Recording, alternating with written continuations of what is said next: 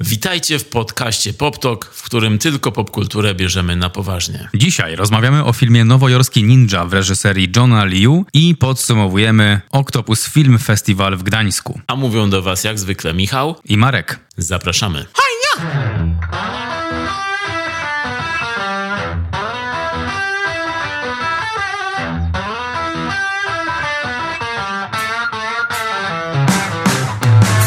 Niektórzy z Was mogą teraz zadać pytanie: Why? tak jest. Jeśli oglądaliście film Nowojorski Ninja, to wiecie o co chodzi. Jeśli nie oglądaliście, no to będziecie mieli okazję ku temu, ponieważ film jest puszczany w kinach w różnych miastach w Polsce w cyklu Najlepsze z Najgorszych. Sprawdźcie repertuar, e, no i obserwujcie Najlepsze z Najgorszych, bo tam co miesiąc są bardzo, bardzo dobre, złe filmy do obejrzenia w kinach. E, ale najpierw zaczniemy od e, tego, gdzie jesteśmy, co się tu właśnie dzieje u nas, bo dzieje się dzisiaj wyjątkowo, nagrywamy dla Was w wyjątkowych okolicznościach WWO z Gdańska. Ełe, ełe. Ja od razu powiem, że od strony technicznej może być ciekawy. Jest to na pewno eksperyment. Nie, nie wiem jeszcze, jak to wyjdzie. Um, nie wiem, jak wpłyną na mnie te parówki, zapach parówek obok leżących. Nagrywamy dla was z Octopusa. Jeśli słyszycie jakieś szumy w tle, to szum morza, to nie my. To nie my. wow! Nie, jesteśmy, właśnie pływamy sobie na łódce pośród e, Morza Bałtyckiego. Wokół pływają mewy. Wow, pływają mewy, powiedziałem. I latają okonie. Także pozdrawiamy Was z Octopusa. E, Octopus Film Festival to jest jego szósta edycja w tym roku, 2023. E, no i odwiedziliśmy festiwal. Ja jestem na festiwalu od wtorku do niedzieli, czyli cały festiwal. Marek dołączył do mnie w, w połowie spotkaliśmy się przy okazji wyjątkowej. Co to była za okazja? To był, mówisz prawdopodobnie o Terrifierze z Thaddeus Mockingbird. Tadeusz Drozda, oczywiście. Jego pseudonim artystyczny. Thaddeus Mockingbird. To jest I coined it. E, ja to wymyśliłem.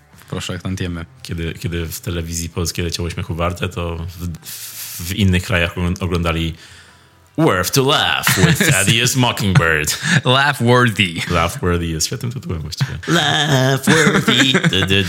tak. Myślę, że Tadeusz by to zaakceptował. Byłby approval, ale był, byliśmy tam i on też był. I było śmiesznie. On w ogóle nie stracił swojego, swojej, swojej medialnej persony. Stał tam z mikrofonem, opowiadał o tym, czym będzie się zajmował tego wieczoru. Był to lektorat, miał być lektorem do filmu Joker. To nie wyszło um, ale wyszło do filmu Terrifier. I stojąc tam i opowiadając o swoich planach, przypomniało mi się, przypom przypominało mi się dzieciństwo. To było przyjemne. There he was. Trochę bardziej siwy, ale, ale tak samo zabawny i z takim samym zacięciem. To, było, to był dobry pomysł, chyba to chcę powiedzieć ośmiornico. Tak, no Drozda rzeczywiście, mimo tego, że jest już 74-letnim komikiem, no to ma zdolność improwizacji, nawijał tam do tego mikrofonu, stojąc przed nami i, i widać było, że nie stresuje go to w ogóle. No, ja bym się stresował, a on nic. Dokładnie, dokładnie. Przecież to jest komik. Musimy pamiętać, że to jest, to jest, to jest wręcz stand-upper. Ale nie tylko, bo uświadomiłeś mnie na festiwalu i naszą koleżankę też, e, kim jeszcze jest Tadeusz Drozda. Pochwal się, Marek.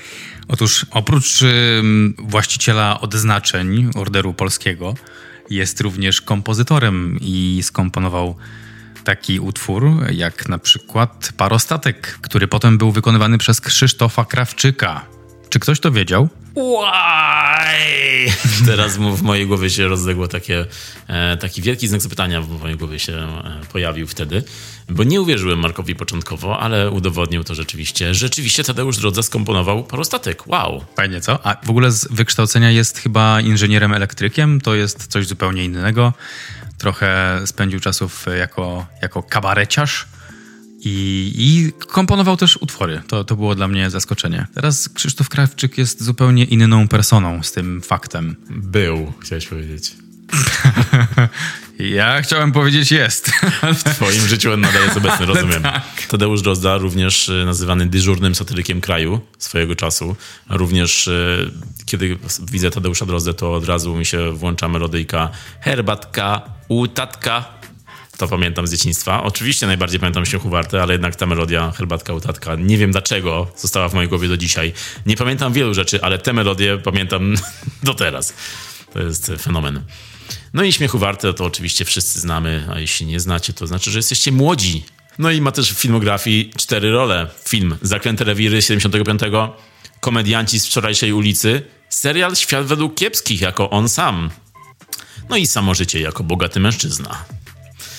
Pan Tadeusz mm, przeczytał dla nas y, Terrifiera. Właśnie Marek powiedział, że oryginalnie miał to być Joker z Joaquinem Phoenixem, czytany przez Drozdę, ale w ostatniej chwili wytwórnia, dystrybutor Warner Brothers stwierdzili, że fuck that, i wycofali się z tego, żeby film Joker był puszczany w takiej formie z jakimś lektorem na żywo, żeby ktoś się śmiał z tego, jak ktoś się śmie śmiać z Jokera, stwierdzili w Warner Brothers i powiedzieli w ostatniej chwili, że nie pozwalają, wycofali prawa do projekcji i i Oktopusowicze, twórcy festiwalu, musieli szukać zastępstwa, no i wybrali bardzo dobre zastępstwo, ponieważ jeden clown został zmieniony na drugiego, Joker na Terrifiera. Oczywiście Terrifier pierwsza część, film ultra brutalny, jeszcze nie aż tak brutalny jak druga część, ale nadal um, bardzo brutalny film e, z clownem Artem, w roli tego, tego czarnego charakteru, slash psychopaty, slash bardzo złego klauna, naj, najgorszego jakiego widzieliście, być może. No to film ja się obawiałem o pana Tadeusza, co on będzie tam przeżywał. Ja się troszkę stresowałem oglądając ten film, bo myślałem sobie, kurczę, czy pan Tadeusz to wytrzyma? Co to będzie? Co, jak będzie wyglądało jego życie po tym filmie? I na szczęście było bardzo zabawnie. Były momenty, kiedy to, co było na ekranie, jednak było, to było za dużo dla pana Tadeusza. Dawał wtedy wyraźne E, pojękiwania, czy też takie wyrażał swoje opinie o tym filmie dosyć jednoznacznie, kto na to chodzi. Z własnej woli. I takie robił takie, o, mm, nie. nie, nie, nie. Także było, było zabawnie. Były momenty, kiedy dialogi się nagle urywały. Być może dlatego, że pan Tadeusz, nie wiem, zamykał oczy albo, mm, nie wiem, musiał się odwrócić chwilowo. Były takie momenty. Może mówił wtedy, że za mało dostaje pieniędzy, wymutowany i że on tego nie będzie robił, a reszta go namawiała. No ale był to też moment, kiedy nasze dzieciństwo legło w gruzach na pewno. Oj, zdecydowanie, tak. Słysząc tak, tak. przekleństwa z jego ust nie będziemy przytaczać tutaj tych przekleństw, ale znacie je na pewno. Na pewno możemy powiedzieć jedno zdanie, które padło z jego ust e, jako tłumaczenie filmu Terrifier, które bardzo mnie i tobie pewnie też zepsuło dzieciństwo, kiedy Tadeusz Drozda powiedział ospermił całą ścianę kibla. Kiedy słyszysz takie zdanie z ust Tadeusza Drozdy. Czwarta ściana dzieciństwa. Właściwie może nie czwarta ściana, ale taka kurtyna niewinności. To był ostatni bastion. Był, był święty Mikołaj i potem to. I już całkowicie zniszczone fundamenty. Można powiedzieć, że ta czwarta ściana została ospermiona i obalona. Wybaczcie nam, ale tak było, tak było w filmie, tak było, tak powiedział. Tak powiedział pan Tadeusz. To, on tak powiedział. My nie zmyślamy. Tak było. No ale możemy tak. Możemy przejść tak do szybkiego podsumowania Octopusa. Może tak na szybko powiedzmy, co nam się najbardziej podobało na festiwalu Octopus w Gdańsku. Myślałem, że już powiedzieliśmy, że to było Thaddeus Mockingbird. W ogóle jak mówiłeś pan Tadeusz, to miałem błąd systemu, bo to słowo było tyle razy wykorzystywane do lektur, że, że, że zamiast, zamiast e, prowadzącego śmiechu warte widziałem księdza Robaka. Ale już wiem, już wiem. Księdza Drozdę czy Robaka? Drozda Both. zjada Robaka. No, to... on, no, tak, on wygląda jakby zjadł Robaka. Jakby zjadł księdza Robaka. Całość. Burn w kierunku Tadeusza Drozdy. Shots fired. No właściwie pan Tadeusz też, też fired shots. Oj tak w kierunku tak, organizatorów. Oj, Rzucał tak. żarty dosyć, dosyć szybkie i dobre. No ale, ale tak, no to, to, hmm, to jest na pewno jedno z tych wydarzeń, na które zawsze warto iść. Pokazy z lektorem na żywo. Na festiwalu Octopus jest też e, kilka innych wartych zawsze udziału pokazów. Są pokazy filmów w nietypowych lokalizacjach. W tym roku był to na przykład, przede wszystkim myślę, Egzorcysta puszczany w kościele świętego Jana, w takim starym gotyckim kościele, wielkim kościele jak wielkim, Michał? Tak wielkim. I taki gotycki był. No i tam Egzorcysta poleciał na wielkim ekranie z, z atrakcjami. Atrakcje to są zawsze specjalności e, film festiwalu Octopus i nie inaczej było teraz. Ja już myślałem, że samo obejrzenie Egzorcysty na, na ekranie w kościele, w takim kościele to już jest coś wielkiego, a to, co jeszcze zafundowali nam organizatorzy, to było wyjątkowe przeżycie. Egzorcystę znam, uwielbiam, ale w taki sposób nie oglądałem jeszcze nigdy i to będzie na pewno chyba najbardziej pamiętny seans Egzorcysty w moim życiu. Czyli oprócz tego, że to był, że ta lokalizacja była, no to ten pogłos kościoła, ten mm. zapach kościoła dodawał mm -hmm. bardzo dużo no to jeszcze w trakcie seansu, w tych y, mocniejszych scenach, na ścianie pojawiała się taka zaczęła migać ta słynna głowa taka straszna z egzorcysty, która czasami była używana jako wygaszacz ekranu w dawnych latach, kiedy wygaszacz ekranu jeszcze się używało. I, i słynny jumpscare z tą twarzą był użyty na ścianie kościoła i nagle w, nad ekranem pojawiła się w, pewnych momencie, w pewnych momentach lalka Regan, czyli tej dziewczynki e, opętanej. I ta lalka, Hi Regan, hi Barbie. I ta lalka nie tylko się pojawiała na takim czerwonym świetle, to jeszcze w pewnym momencie jej głowa się zaczęła okręcać dookoła, tak jak w filmie, i zaczęła wywijać się ta lalka. No i było to, bardzo dobrze to zadziałało. No naprawdę, propsy dla organizatorów to było świetne. I ten seans zapamiętam na długo, myślę tak jak pozostali widzowie, a było ich tam naprawdę, naprawdę dużo. Ciężko było znaleźć miejsce. Myślisz, że powiesz o tym przy swojej następnej spowiedzi? Szczerze mówiąc, to, to był jedyny raz, kiedy byłem w kościele od bardzo dawna. Więc wydaje mi się, że kolejny raz, kiedy będę w kościele, to też będzie Octopus Film Festival. Octopus Film Festival odpowiedzialny za konwersję 70% Polaków. Tak, tak. Kiedy zobaczyłem tam e, księdza, takiego brata zakonnego. Księdza zakonnego? Jak, Jak ty go nazwałeś ostatnio? Mnich zakonny? Powiedziałem mnich. mnich zakonny. Czy to jest oficjalne określenie? Czy to przejdzie? To jest trochę tak, jak ja bym się wypowiadał na temat y, fizyki kwantowej i powiedziałbym E, rozszczepienie atomu. Nie wiem, co to znaczy, ale, I tak, ale tak to zabrzmiało, jak powiedziałeś mnich zakonny. Ale i tak miał być pewnie więcej racji mówiąc rozszczepienie atomu niż ja mówiąc mnich zakonny. Jeszcze lepiej, gdybym powiedział pan mnich zakonny. E, pan... Dzień dobry, panie mnichu zakonny. Panie mnichu?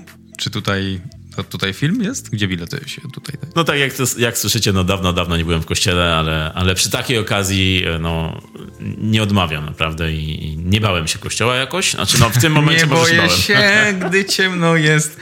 Ojciec za rękę prowadzi mnie. w tym wypadku mnich zakonny za rękę prowadzi mnie. E, no, ale to było niezapomniane przeżycie, naprawdę niezapomniane. E, Octopus, dzięki za ten seans. Oprócz tego były jeszcze pokazy takie jak film Kruk, klasyczny kruk z Brandonem Lee, puszczany w królewskiej fabryce karabinów i ja myślałem, że to będzie prawdziwa fabryka karabinów. Okazuje się, że to jest stary, opuszczony, zaniedbany budynek po fabryce karabinów, taki postindustrialny, taka super przestrzeń do puszczenia filmu, która była przyozdobiona e, tak bardzo krukowo, filmowo. Były świeczki, były światła, różne dym, wielki kruk namalowany i świetnie się oglądało ten film. Pierwszy raz oglądałem Kruka w ogóle w całym życiu i cieszę się, że to były takie okoliczności. To był twój pierwszy raz? Tak. No, oh na pewno widziałem jakieś fragmenty kiedyś, jak byłem mały w telewizji, ale nie oglądałem nigdy tak świadomie całego Kruka. Ty oglądałeś? Y, tak, oglądałem, ale zazdroszczę ci tego doświadczenia. Pierwszy raz w taki sposób oglądać film, to wyobraź sobie, że ktoś na przykład egzorcysty też nigdy nie widział i idzie do kościoła obejrzeć egzorcystę z tym całym, e, z całą scenografią. To, jest, to był super pomysł i też jak o tym słyszałem, nie tu jeszcze nie było, ale, ale bardzo mi się to podobało. Rewelacyjny pomysł. Żałujesz, że cię nie było, że nie oglądałeś Egzorcysty w ten sposób? Ja kiedyś oglądałem Egzorcystę, teraz ten film już jest trochę taki... Teraz ten film już dla mnie to jest wersja strasznego filmu i bardziej myślę o tym filmie w ten sposób, czyli w taki bardziej komediowy, ale kiedyś podejrzewam, że to była petarda i ludzie się tego bali. Czy bym obejrzał w kościele? Nie wiem, nie wiem. Miałbym problem z tym, że pachnie tu kościołem i oglądam e, egzorcyzmy na, na ekranie, ale, ale pomysł doceniam. Uważam, że był bardzo adekwatny, świetny, na pewno dodawał też klimatu. To, czego się potem dowiedziałem, to, to to, że ten kościół on jest wyłączony z użytku. To nie jest tak, że następnego dnia była msza albo in between e, wchodzili ludzie na spowiedź, tylko tam przez lata nikt e, tego, tej przestrzeni nie używał w takich w takim charakterze powiedzmy sakramentalnym, co, co nie było dla mnie zaskoczeniem, gdy się tego dowiedziałem, no bo jednak nie wyobrażam sobie katolickiego księdza, który mówi, ta spoko, e, weźcie tutaj ekran ustawcie i ja tylko chrzest. Wiesz, mam chrzest o 17, ale to potem możemy puścić film, nie ma problemu. No ja sobie też nie wyobrażam tego i zastanawiało mnie to, ale dziękuję, że mnie uzmysłowiłeś, że, że tam nie było mszy wcześniej i to nie byli przypadkowi e, wierzący, którzy przyszli akurat na seans i czekali, aż ksiądz wyjdzie. Miała być liturgia. Już na opłatek poszli tam pod, pod, pod ołtarz, czekali niektórzy. Ciało oktopusa na wieki wieków, amen. No to był jeden z highlightów festiwalu, e, a z tych jeszcze e, pozostałych specjalnych pokazów był między innymi było Podwodne życie ze Steve'em Zissou, Wesa Andersona, film, który był puszczony na falochronie oglądany pod latarnią morską, tam statki pływały sobie. Ja nie byłem, widziałem ten film, znam dobrze ten film e, i poza tym trochę się obawiałem, że będzie mi zimno, a ja cenię sobie, żeby mi jest ciepło. Usłyszałem teraz Szereka mówiącego, cenię sobie swoją prywatność. Cenię sobie moje ciepło. Także akurat to mnie ominęło. No i w tym czasie było, było w tym czasie coś innego. A, Kruk był w tym czasie, a ja nigdy nie oglądałem Kruka, więc stwierdziłem, lecę na Kruka. Lecę jest kluczowe. Lecę jest kluczowe. K o, Michał, uspokój się. To to morskie powietrze, słuchaj.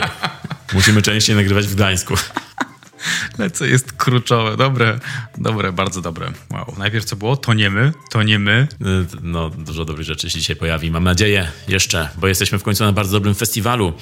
I tak jak zacząłem mówić, był jeszcze tak podwodne życie ze Steve'em Zissou na falochronie w wyjątkowym klimacie. Z tego, co widziałem na zdjęciach i tego, co słyszałem, no to też był, było to niezapomniane, niezapomniany seans. Był jeszcze, było kilka pokazów e, filmów w bunkrze który jest pod przestrzenią festiwalową, pod e, budynkiem stoczni. Ja tam byłem na filmie Skinamarink. Nie mogłem sobie odpuścić tego, mimo że już widziałem Skinamarink i rozmawialiśmy kiedyś o Skinamarink w tym podcaście. E, odsyłamy was do tego odcinka. To był odcinek o wielorybie przy okazji, także jeśli byście chcieli posłuchać. E, no to Skinamarink w tej przestrzeni zaaranżowanej też wyjątkowo pod klimat filmu. Były tam różne zabawki porozwieszane, stały telewizory ze starymi bajkami, z taką, z tym szumem telewizyjnym i, i to światło padające na dywan pełen zabawek rozrzuconych i klocków no super klimat i naprawdę bardzo, bardzo doceniam organizatorów, że robią takie rzeczy, bo, bo to się nie dzieje właśnie. Uwielbiam, kiedy coś jest tak imersyjne i tak twórcy e, tak próbują e, cię wciągnąć w ten świat. I Skinamarink się oglądało mi też bardzo dobrze, mimo że już drugi raz. Mm. No to jeszcze jeśli mówimy o im, pokazach, no to mistrzem immersyjnych pokazów swojego czasu był e, William Castle, pan William Zamek. Reżyser, producent, który kręcił filmy w latach 50., 60. E, on produkował też Dziecko Rozmary. Był to jego ostatni projekt, później mu się niestety zmarło. E, człowiek, który zaczął karierę w późnym wieku, ale. Tak się akurat złożyło, że jego ostatnim projektem było Dziecko Rosemary, a potem mu się zmarło. I wonder why. No, William Castle był mistrzem pokazów immersyjnych, czyli w, on działał równolegle z Alfredem Hitchcockiem. Kiedy Hitchcock wpuszczał do kin psychozę i to było też wielkie wydarzenie, no to on niedługo później wpuścił do kin film Homicidal, który też e, grał podobnie jak psychoza taką, takim twistem e, osobowościowo-fabularnym w, w, tym filmie, w tym slasherze swoim. No on słynął z tego, że w kilku swoich filmach, w jednym po drugim, miał jakiś taki gimmick, on to nazywał, czyli taki trik, którym wabił publiczność. Na przykład przy filmie 13 duchów rozdawał okulary. No, dzisiaj nazwalibyśmy to okularami 3D, tak wyglądały, ale to było takie to były takie okulary, przez które kiedy się patrzyło, to pokazywały się duchy na ekranie, a jak się nie patrzyło przez nie, to nie widziałeś tego ducha. To były taki wczesny, takie wczesne efekty specjalne, takie wczesne 3D. Mm, no i to bardzo dobrze oddziaływało na publiczność. Ja oglądałem 13 duchów, oglądałem właśnie te filmy Kasla, te, które słynęły z tych trików i naprawdę byłem pod wielkim wrażeniem, mimo że to było 50-60 już lat temu, no to to jest coś niesamowitego, że on takie rzeczy robił w tamtych latach i, i miał takie dobre pomysły, które wprowadzał w życie i to działało. Um, był między innymi film Mrowiec, The Tingler, film, na którym e, w którym taki, taki stworek mały, Tingler właśnie, pojawia się na ekranie i kiedy się pojawia na ekranie, no wtedy w, na publiczności fotele raziły prądem tak delikatnie. I, i widzowie nie wiedzieli, co się dzieje wtedy, a on, on osobiście ze swoimi ludźmi montował takie urządzonka na wybranych fotelach, żeby radzić tych widzów. W trakcie pokazu gasło światło. Z głośników nagle słychać było głos Vincenta Price'a, żeby zostali w fotelach, żeby się nie martwili, że zaraz coś tu przyjdzie. I, i no, takie miał pomysły świetne, żeby widzów zaangażować i wystraszyć. A wiadomo, że w tamtych latach ludzie naprawdę się bali na, tych, na tych pokazach, że to nie jest film, tylko coś się naprawdę dzieje. Więc to bardzo dobrze działało. No i teraz y, był pokazywany film Dom na Przeklętym Wzgórzu Kasla e, z 59 roku. Film, który miał kilka swoich wersji później później e, film, podczas którego e, były atrakcje typowo kastlowe tu na festiwalu, czyli przed pokazem każdy musiał wypełnić e, takie ostrzeżenie, takie zrzeczenie się na wypadek swojej śmierci ze strachu, zrzeczenie się odpowiedzialności festiwalu. I tak się też działo przed pokazami w latach 59 i dalej. No, no takie, takie zrzeczenie się praw, zrzeczenie się odpowiedzialności festiwalu, czy też miał taki, taki swój zabieg, że widzowie dostawali ubezpieczenie, że jeśli umrą ze strachu, to ich rodzina dostanie pieniądze z ubezpieczenia. To było też, też ciekawe. No i tutaj jeszcze stał karawan z, z, z trumną wystającą, zapraszając widzów e, pokazu, a w trakcie pokazu, w kluczowym momencie na koniec, kiedy pojawi się na ekranie szkielet, kościotrup mający straszyć ludzi, teraz w ogóle nie straszył, wręcz rozśmieszył ludzi, kiedy się pojawił na ekranie, no to wtedy z jednego końca sali na drugi przeleciał nad głowami widzów właśnie ten szkielet tak e, na, na zawieszony na linię, co działo się też właśnie na, na pokazach filmu oryginalnie. No także super, super było doświadczyć tego, co kiedyś, te 60 lat temu, widzowie mogli doświadczyć na pokazach tego filmu. Tylko rzeczywiście dzisiaj już z większą świadomością, dzisiaj to nie straszy, tylko jest to atrakcja, wręcz taka do zabawy bardziej. Ale tak, no ale za to właśnie bardzo, bardzo doceniam e, też między innymi ten festiwal. Czyli można powiedzieć, że William Castle to taki prekursor kina 4DX. 4DX też bardzo imersyjne jest i ja też bardzo lubię imersyjność. Kiedyś, fun fact, jak grałem w gry, to w zależności od gry to się przebierałem za tę postać i, i grałem, żeby być w tym świecie. Nie uciekałem tak od problemów, nie, nie. To, było, to była moja pasja. To ja lubiłem to bardzo. Także myślę, że z Williamem Castle bym się dogadał. Wierzę ci, wierzę ci, że tak właśnie było.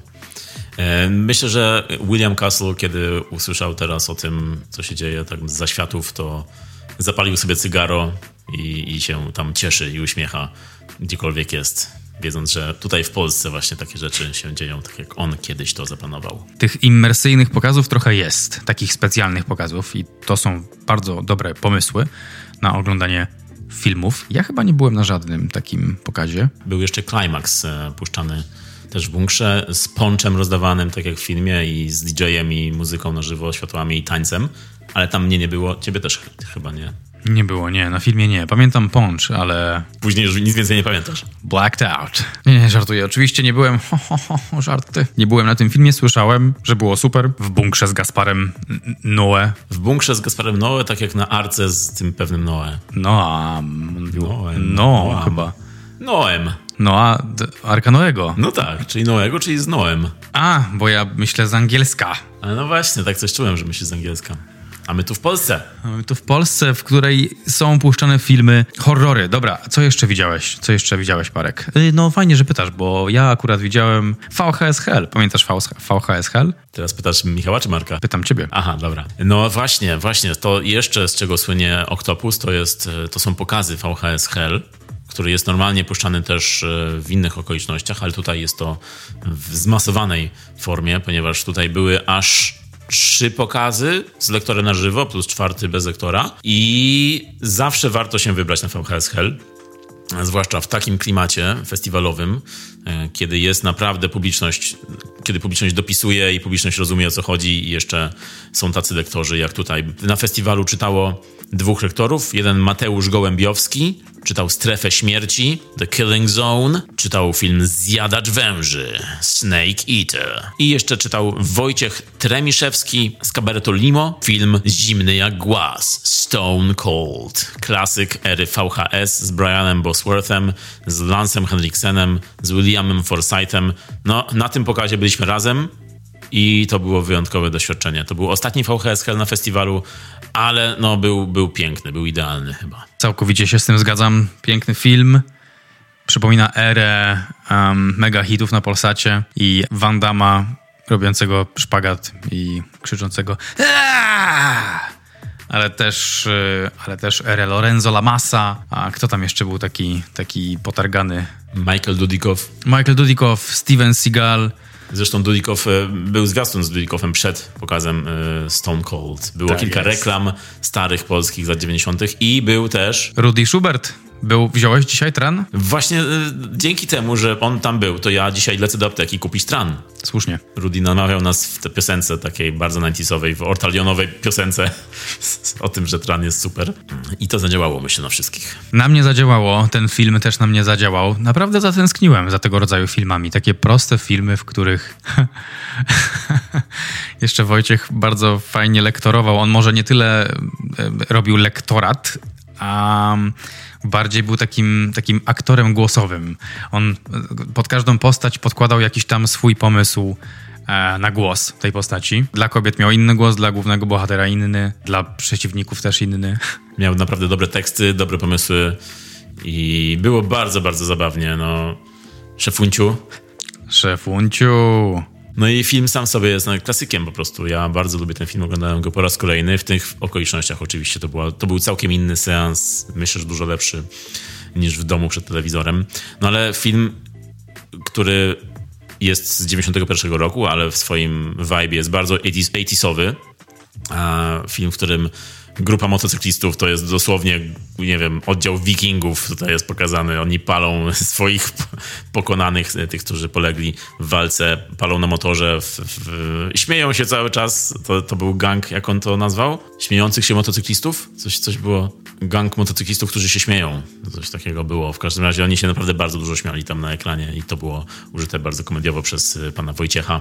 Tak, to było aż dziwne, że, y, że on to wymyślał na bieżąco, że tak w improwizację poszedł, bo to wyglądało jakby się przygotował z tego, ale nie, nie. Na bieżąco wymyślał i oni rzeczywiście dużo e, jakby nienormalnie dużo się śmiali ale bawiło ich, bawiły ich wszystkie te bezeceństwa, które wy, wykonywali w świecie I, i Wojciech to przemienił w coś bardzo komediowego i już nie można było z tego wyjść. Tak, to był świetny seans, świetne e, podsumowanie VHS Heli e, z tego festiwalu. No i był jeszcze jeden pokaz VHS Hell, e, który nie miał lektora, co prawda, ale no, był też wyjątkowy, ponieważ to był film Zemsta Embriona. To ja tego nie widziałem. To co tam się, co tam się działo? To był pierwszy dzień festiwalu i od razu na głęboką wodę. E, Zemsta Embriona, oryginalnie The Suckling. wow, dobry tytuł. Film z 90 roku w reżyserii Francisa Terry, e, gościa, który ma w filmografii tylko jeden film. Właśnie ten. Zemsta embriona. Po tym filmie już, już nie wrócił niestety, a wielka, wielka szkoda, bo to było wyjątkowe doświadczenie też. Ten film, który no, opowiada o tym, jak to kobieta w ciąży chce się udać na nielegalną aborcję do kliniki aborcyjnej, e, która to klinika aborcyjna jest jednocześnie domem publicznym, agencją towarzyską. Takie rzeczy się dzieją. I tam ona dokonuje aborcji nielegalnej w bardzo dziwnych warunkach. Bardzo niepokojące to było. I ten płód, który oni po prostu momentalnie wyrzucają do toalety, ten płód w kanałach spadają na niego jakieś toksyczne odpady i się zmienia w morderczy płód. I zaczyna mordować ten płód ludzi w tej agencji towarzyskiej, która jest zamknięta, zamyka w jakiś sposób, otacza błoną swoją i nikt nie może się wydostać i po kolei, jak w Saszerze, zabija wszystkich ten morderczy płód, który wygląda, wow, wygląda wow, jak morderczy płód po prostu wygląda. Czyli kostiumy się udały. Kostium jeden właściwie, tak, się bardzo, bardzo udał. Jest to naprawdę jeden z najlepszych i najgorszych filmów jednocześnie, jaki widziałem. Na pewno jest to najlepszy film o zabójczym embrionie i na pewno jest to najgorszy film w każdej innej kategorii. Więc e, Zemsta Embriona polecam e, bardzo serdecznie. Zemsta Embriona. Ale The, The Suckling było, wow, to jest też, te tytuły, prawda? Tytuły tych filmów też robią robotę. Oj tak, tak. Zjadasz węży. Teraz jeszcze dostałem info o tym, że był film pod tytułem The Virgin Suicides, to był seans ukryty. Tak, właśnie, też sprawdziłem.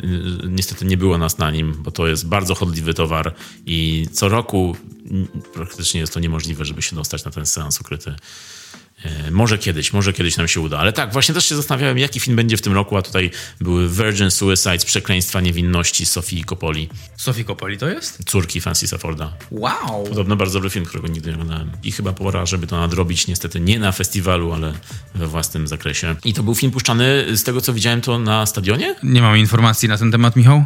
Nie wiem, gdzie przebywają dziewice. Ty już teraz wiesz.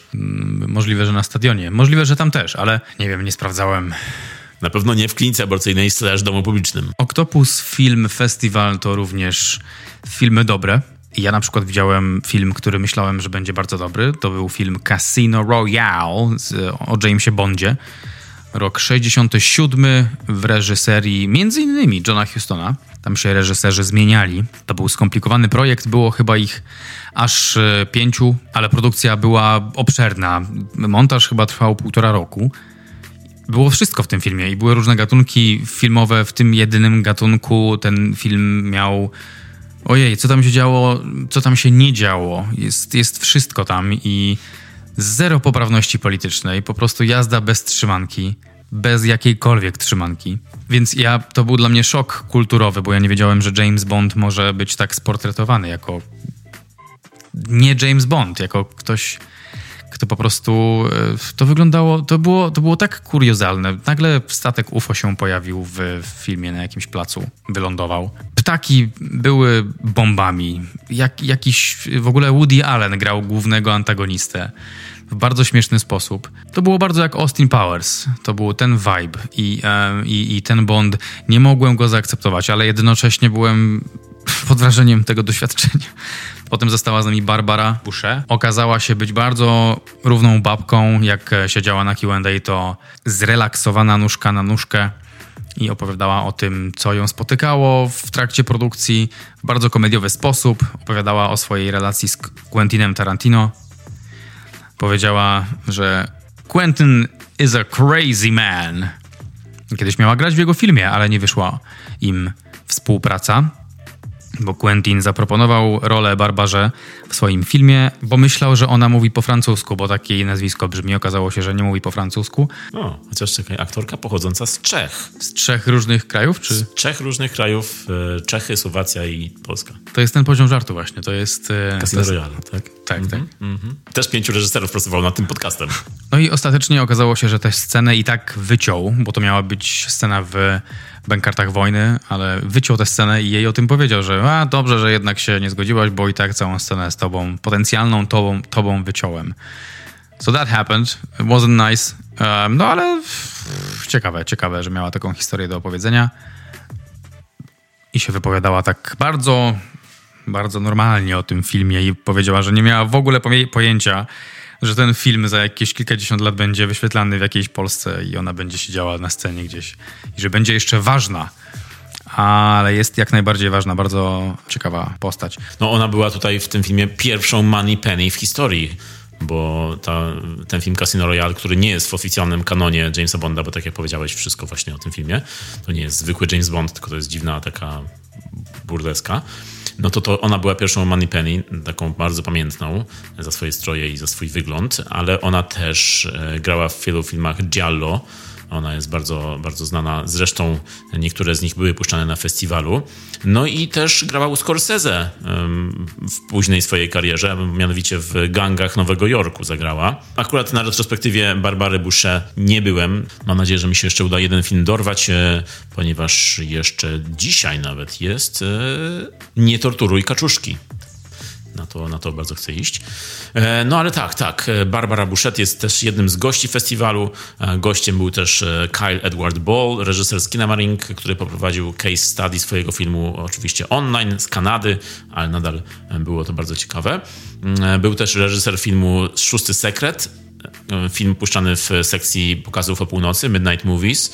No i byli też twórcy polskiego filmu science fiction postapokaliptycznego, filmu W nich cała nadzieja. Filmu, który był e, puszczany na otwarcie festiwalu i z którego jeden z bohaterów e, odwiedził gdański festiwal, a mianowicie był to robot. Robot Artur odwiedził festiwal i okolice. Miałem spotkanie krótkie z, robotem Arturem, było to bardzo ciekawe. Co robiliście? Podaliśmy sobie ręce, jak człowiek ze sztuczną inteligencją. Tom Cruise by tego nie zrobił w Mission Impossible, raczej się takie rzeczy nie dzieją. Raczej ten robot by został zniszczony, wybuchłby bardzo, bardzo drastycznie. No ale nie tutaj, jesteśmy na Octopusie i tak jak już mówiliśmy, tutaj wszystko się może zdarzyć. Ale to właśnie jest świetne połączenie z filmem Goście z Galaktyki Arkana, bo tam no, robotów nie było, ale, ale bardzo podobne postaci do robotów. Tam coś robotycznego mogło easily e, być. To jest y, film jugosłowiański, prawda? Lata 70. Lata 80., 81 rok, początek. Jugosławia, kraj, o którym się dzisiaj już nie mówi. Być może dlatego, że nie istnieje. Być może. My tego nie wiemy. Chcemy mówić o Jugosławii. Bring back Jugosławia. Film, wow, jestem pod wrażeniem tej produkcji, bo tam naprawdę na poważnie podeszli. E, kostiumy, powiem to, były świetne. To jak na tamte lata. Mówisz o tym swetrze głównego bohatera, czy? mogę, mogę też o tym powiedzieć. Ale to mi, wiesz co mi przypominało? To mi przypominało trochę king size, tak pod kątem jakości produkcji. Nie no, ten film był odpalony. Te, to, że właściwie przy kontakcie z obcą cywilizacją cały czas mamy kontakt realny z, z taką codziennością w, w zwierciadle Barei, że ludzie się w bloku znają i odwiedzają i są imprezy i właściwie pojawienie się obcych.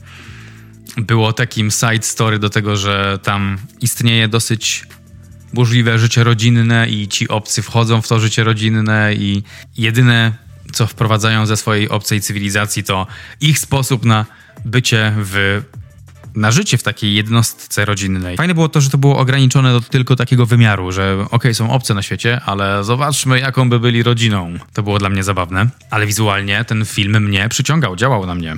Było śmiesznie też. Główna bohaterka miała na imię Biba. Główny bohater był Ro Robert. Tak. Robert T? Robert i Biba. Robert i Biba. Niezła Biba była. Na pewno na seansie. No to rzeczywiście to, co mnie zaskoczyło, to to, że ten film był nieźle zrobiony.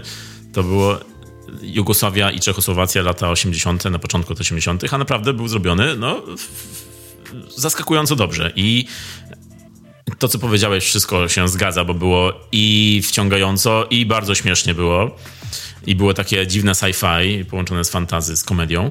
E, mnie też przypominało trochę Bareje, zwłaszcza przypominało mi Alternatywy 4. I też mi przypominało w ogóle, to, to, jest, to jest ten film, to było tak jakby wątek robota z Alternatywy 4 rozszerzyć do, jego, do tego filmu, bo tam był przecież taki robot kolejkowy w Alternatywach, Ewa 1. I gdyby, ten, gdyby Alternatywy 4 poszły bardziej w tę stronę, to mogłoby być goście z planety Arkana czy z Galaktyki Arkana. No i e, rzeczywiście goście z Galaktyki Arkana wyglądają dobrze i efekty specjalne wyglądają tam dobrze. Na dzisiejsze nawet standardy było nieźle. E, ponieważ za te efekty odpowiadał Jan Schwankmajer, czyli twórca e, filmów czeskich, czechosłowackich. Na przykład film Mały Otik, film Szaleni i inne filmy, których nie oglądałem. Mały Otik? Otesanek. Ale tak, no twórca, twórca w Czechach dosyć mocno znany i, i, i szanowany. No i e, go, goście z Galaktyki Arkana tutaj zostali troszkę porównani e, w materiałach prasowych do takiej, e, do polskiej klątwy Doliny Węży, czyli filmu, który wtedy został okrzyknięty jako film nieudany, film gatunkowy, próba kina gatunkowego, która była bardzo taka um, lokalna, taki folklor jugosłowiańsko-czechosłowacki chciał być przeniesiony jakby do, do Ameryki. No i to jest też właśnie pokaz, y, który mi się bardzo podobał. Taki bardzo swojski. To było bardzo swojskie i coś, czego byśmy w innych warunkach i gdzie indziej nie obejrzeli. Tylko właśnie na takim festiwalu kina gatunkowego można zobaczyć e, takie klejnoty nieoszlifowane kina europejskiego. No i oprócz tych wszystkich atrakcji i pokazów, e, trzeba jeszcze wspomnieć o tym, że na, na Octopusie jest konkurs główny, czyli są filmy konkursowe, na, który, na które głosujemy, jak co roku zresztą. E, w tym roku w programie e, konkursowym było sporo filmów. Nie wszystkie oglądałem, ale z tych, które oglądałem, powiem tylko, że bardzo zapadł mi w pamięć film Meduza Deluxe, który zresztą będzie pokazywany w polskich kinach. E, dystrybutorem jest Velvet Spoon, czyli też e, ludzie stojący za festiwalem Octopus. E, będzie pokazywany na początku września w kinach i bardzo go polecam. To jest film nakręcony w, w jednym ujęciu. Film trochę wyglądający jak Birdman wśród fryzjerów. Gdyby w całość kręcił Gaspar Noé, E, film taki odjechany, film, który się naprawdę śledzi na krawędzi fotela, e, chociaż nie jest bardzo drastyczny, brutalny i, i jest tam mała dawka, ale, ale dosyć, dosyć mocna takiej e, gatunkowości, intensywności. Znaczy nie intensywności, tylko brutalności, bo film jest bardzo intensywny, hipnotyzujący wręcz. Naprawdę polecam Meduza Deluxe, bardzo mi się podobał. Z filmów konkursowych podobał mi się też film Fam. Fam jak kobieta, jak Fam Fatal. Film reżyserii Sama Freemana i Ng Chuna Pinga, produkcji brytyjskiej. E, też taki bardzo, bardzo wciągający, napięty film. E, historia drag queen, która zostaje pobita na ulicach Londynu i trzy miesiące później zaczyna e, obmyślać plan zemsty na swoim oprawcy i to się robi dużo bardziej skomplikowane niż brzmi. To mi się też podobało. Film Monolit. Film o kobiecie nagrywającej podcast. Coś dla nas. Kiedy zobaczyłem to na początku, że film jest właśnie o podcasterce, no to poczułem się jak w domu. A cały film jest e, puszczony jakby z perspektywy tylko jej. W jej domu wszystko się dzieje, e, wszystko słuch e, wszystkiego słuchamy, tak jakbyśmy słuchali podcastu. Film jest takim thrillerem, horrorem, w którym dużo się nie dzieje, ale jest bardzo intrygujący, bardzo wciągający. Troszkę mnie zakończenie rozczarowało, pozostawiło z lekkim niedosytem, ale na pewno jest to bardziej na stronę dobrą niż złą. Nie podobał mi się za to film Matka Przełożona, austriacki horror, trochę taka jakby podróbka Saint Mode, y, który niedawno wyszedł. Film, który jeśli oglądaliście na festiwalu czy gdzie indziej, no to mogę wam powiedzieć tylko jedną rzecz. Tytuł w finale zostaje dobrze oddany, bo dosłownie matka zostaje tam przełożona. Nie będę więcej mówił, jeśli nie oglądaliście, to, to nie wiecie o co chodzi.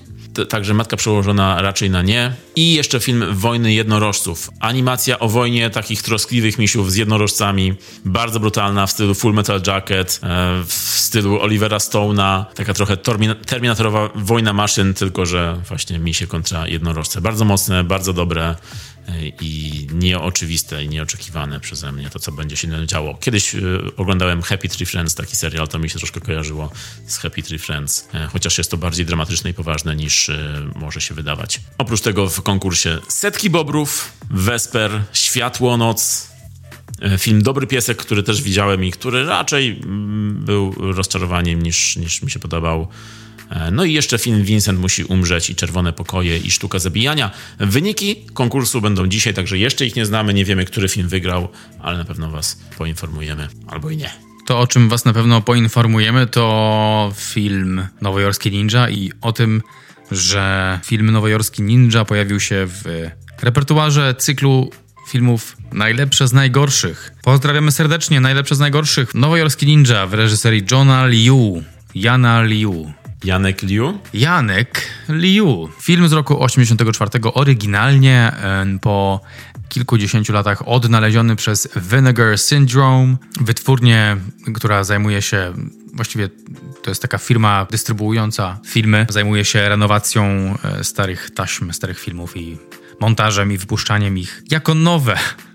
I tak było z filmem Nowojorski Ninja. Tak, no jest to fascynująca historia, jeśli chodzi o ten film, o jego historię, o no, od twórców nawet jego. No, musicie, jeśli nie znacie, musicie zostać z nami i tego posłuchać. I na pewno musicie to obejrzeć, bo jest to seans wyjątkowy i, i jest to taki zagubiony klejnot który warto odnaleźć i warto podziwiać. E, tak jak wspomniałeś, no, firma Vinegar Syndrome, czyli dystrybutor, amerykański dystrybutor filmów, e, który wydaje filmy na nośnikach fizycznych. Bardzo lubię osobiście tę firmę, często zamawiam tam i właśnie jednym z filmów, które zamówiłem chyba ponad rok temu, to był właśnie Nowojorski Ninja, New York Ninja. To była ich słynna taka premiera. Zapowiedź e, była już od jakiegoś czasu, że oni odnaleźli zagubiony film, którego nikt nie zna, nikt nie widział, nikt nie montował. Dopiero oni mieli taką, takie zadanie, sobie postawili przed sobą, że zmontują to i zrobią z tego e, wreszcie po tych 30 latach film. 30? O, już 40 prawie, bo to 84 rok. I, I ten film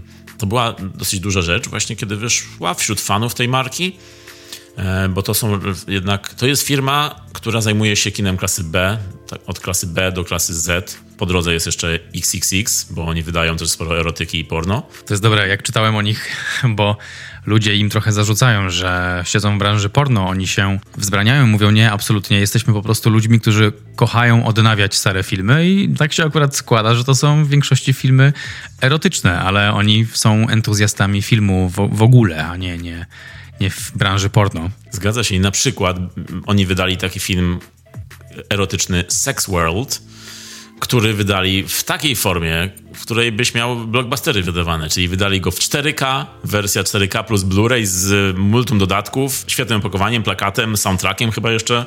Super. Super. Pierwszy, pierwszy raz spotkałem się właśnie przy okazji tej firmy z takim traktowaniem tak dobrym traktowaniem tak złych filmów. To jest, ale to jest w ogóle świetna misja. Bardzo mi się to podoba. Jestem ich ogromnym fanem, e, właściwie świeżo upieczonym, bo ten, ten film, to o czym jeszcze później porozmawiamy, zmiótł mnie z powierzchni ziemi, bardzo mi się podobał. A spoiler e, mojej oceny. I totalnie sobie zamówię ten film na Blu-rayu. To jest bez, bezdyskusyjne.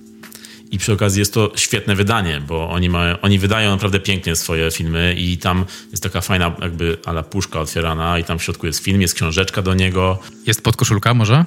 Niestety nie ma podkoszulki. Ach. Była osobno chyba sprzedawana, e, ale jest teraz do kupienia cały merchandise. Jest, są koszulki na stronie najlepszych z najgorszych. Możecie sobie sprawdzić i możecie zakupić i iść w takiej koszulce na seans do czego was bardzo zachęcamy. Jeśli chodzi o Vinegar Syndrome, no to ja jestem im też bardzo wdzięczny za to, że oni wydali film Roadhouse, czyli Wykidajło na Blu-rayu i od razu, od razu zakupiłem to w też takim ekskluzywnym wydaniu. I tak, Wykidajło, kiedyś mówiliśmy o filmie Wykidajło i to była piękna rozmowa. No, także Vinegar Syndrome polecamy wam zakupy też tamtej, jeśli jesteście fanami fizycznych nośników, film, fanami filmów, no to oni mają na pewno coś, co, czym się zainteresujecie, coś dla was.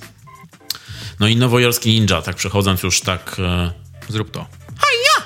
Kocham ten film. tak, to będzie odcinek, w którym pojawi się, myślę, dużo tych dźwięków. To są dźwięki dzieciństwa.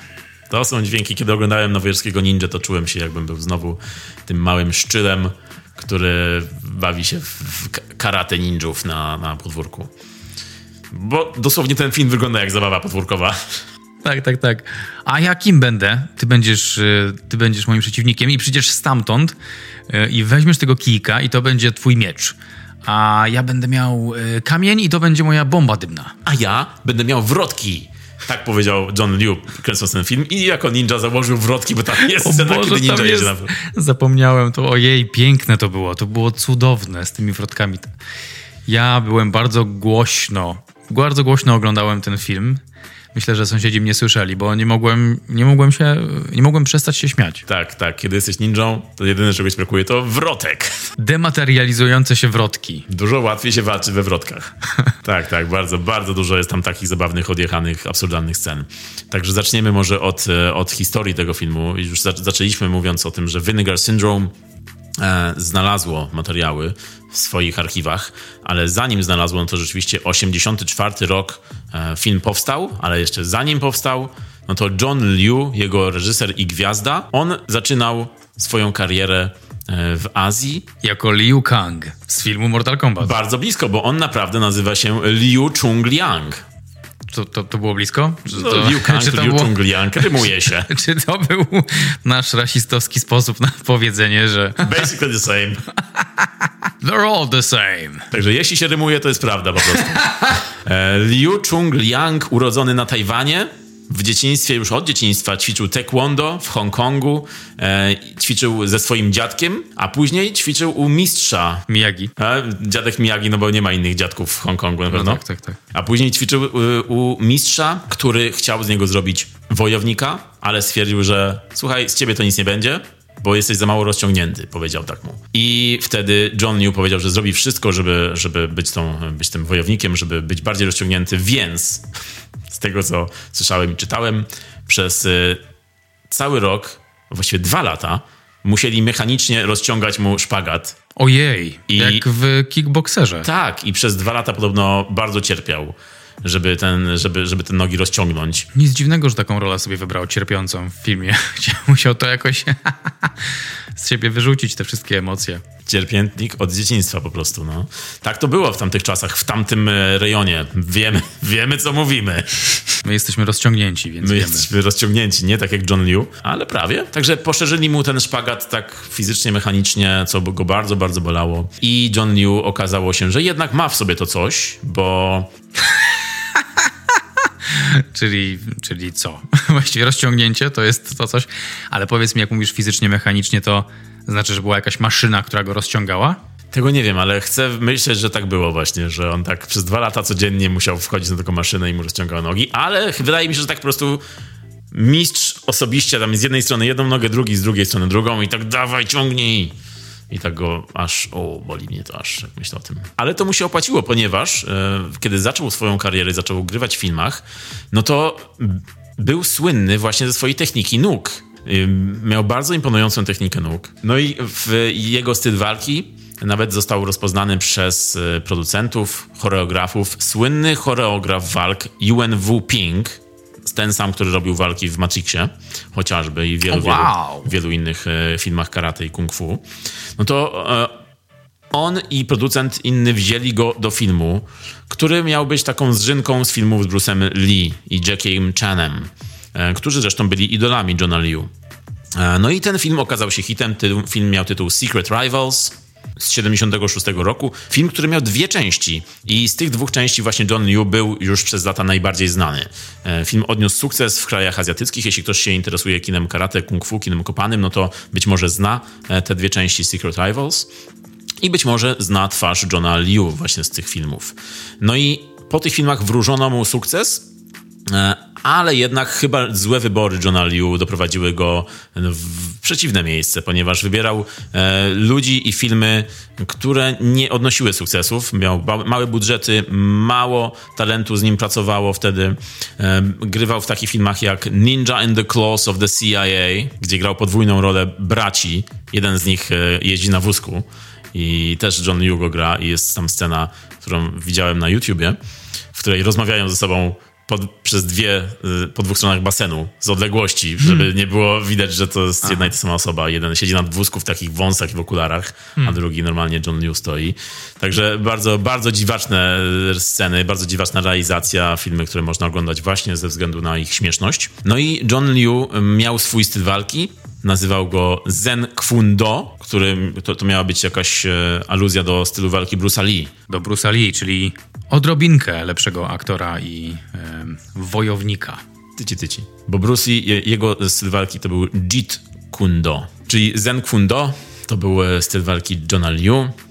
Mm, no i Liu postanowił wyjechać z Azji i udać się do innych krajów, do krajów europejskich na początku, gdzie założył swoją szkołę walki. Razem ze swoją żoną założyli też firmę produkcyjną. Zrobił film w Paryżu. Tak się nazywał film, czy w, zrobił film w Paryżu? film w Paryżu. Nie, zrobił film w Paryżu. E, film, filmy trzy dosłownie, tylko trzy filmy. Miał swój etap taki, kiedy on kręcił właśnie we Francji, później przeniósł się do Meksyku, kręcił w Meksyku i tam w tym czasie powstały trzy filmy.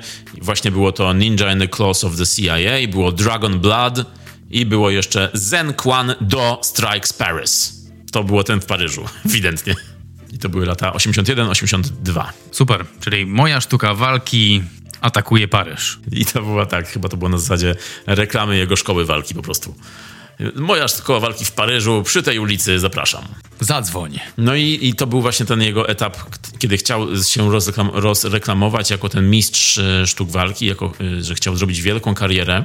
E, nawet reklamował się tym, że w 76 roku John New wyzwał na pojedynek Chucka Norrisa. Oh. Z tym, że Chuck Norris był wtedy już na swojej wa walecznej emeryturze, bo już nie walczył. Mhm. Ale John Liu go wyzwał na tą walkę. I to była taka walka, powiedzielibyśmy, że walka taka towarzyska, można powiedzieć, z tym, że właśnie Liu wygrał z Norrisem podczas tej walki.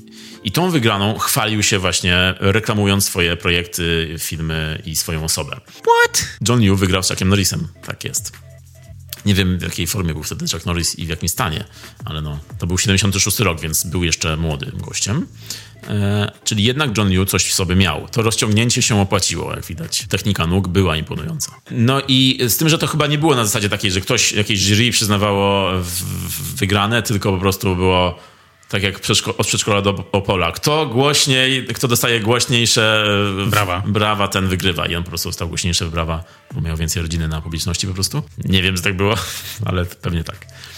No i po tym incydencie jego filmy właśnie reklamowano jako filmy mistrza świata w karate. Było napisane John Liu, mistrz świata w karate, a na plakacie z 79 roku reklamującym film z Johnem Liu było napisane Defeated Chuck Norris in match. Było dosłownie reklamowany film jako e, John New pokonał Chucka Norrisa. Był, było napisane 80 rok, Miss Karate, 81 to coś tam, 76 pokonał Chucka Norrisa. Także bardzo się szczycił tym faktem.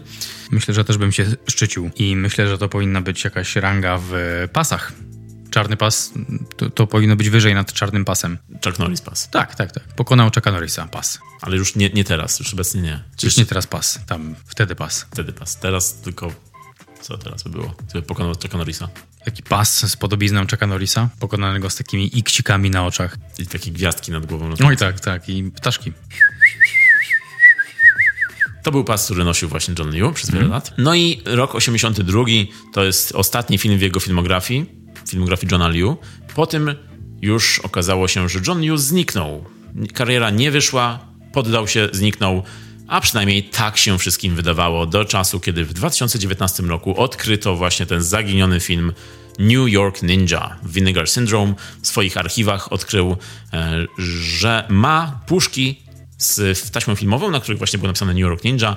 Nikt nie wiedział, co to jest. Było to wykupione e, razem z, całą, z całym e, zapasem filmowym firmy 21st Century Productions, która wycofała się z biznesu, zbankrutowała i wszystkie swoje um, archiwa sprzedała. Właśnie Vinegar Syndrome wykupił tak jak to oni mają w zwyczaju. I właśnie w 2019 roku Curtis Spiller znalazł puszkę z tym filmem i on pomyślał sobie, że hej, to jest coś, co warto będzie zrobić, zmontować, zrobić z tego film.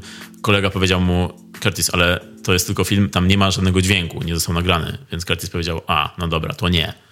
I zostawili na jakiś czas ten pomysł i po paru miesiącach, chyba po roku, robili swoje i ten pomysł wrócił i stwierdzili, że to jest chyba czas na nowojorskiego ninja, e, z tym, że trzeba będzie dograć cały dźwięk, dograć e, głosy aktorów i zmontować film co było, okazało się bardzo, bardzo trudnym zadaniem. Tak, ten film oryginalnie miał chyba od 6 do 8 godzin, było materiałów i oni e, zrobili, chcieli z tego zrobić film, co było według mnie trudnym zadaniem, ale tylko pokazuje ich umiejętności.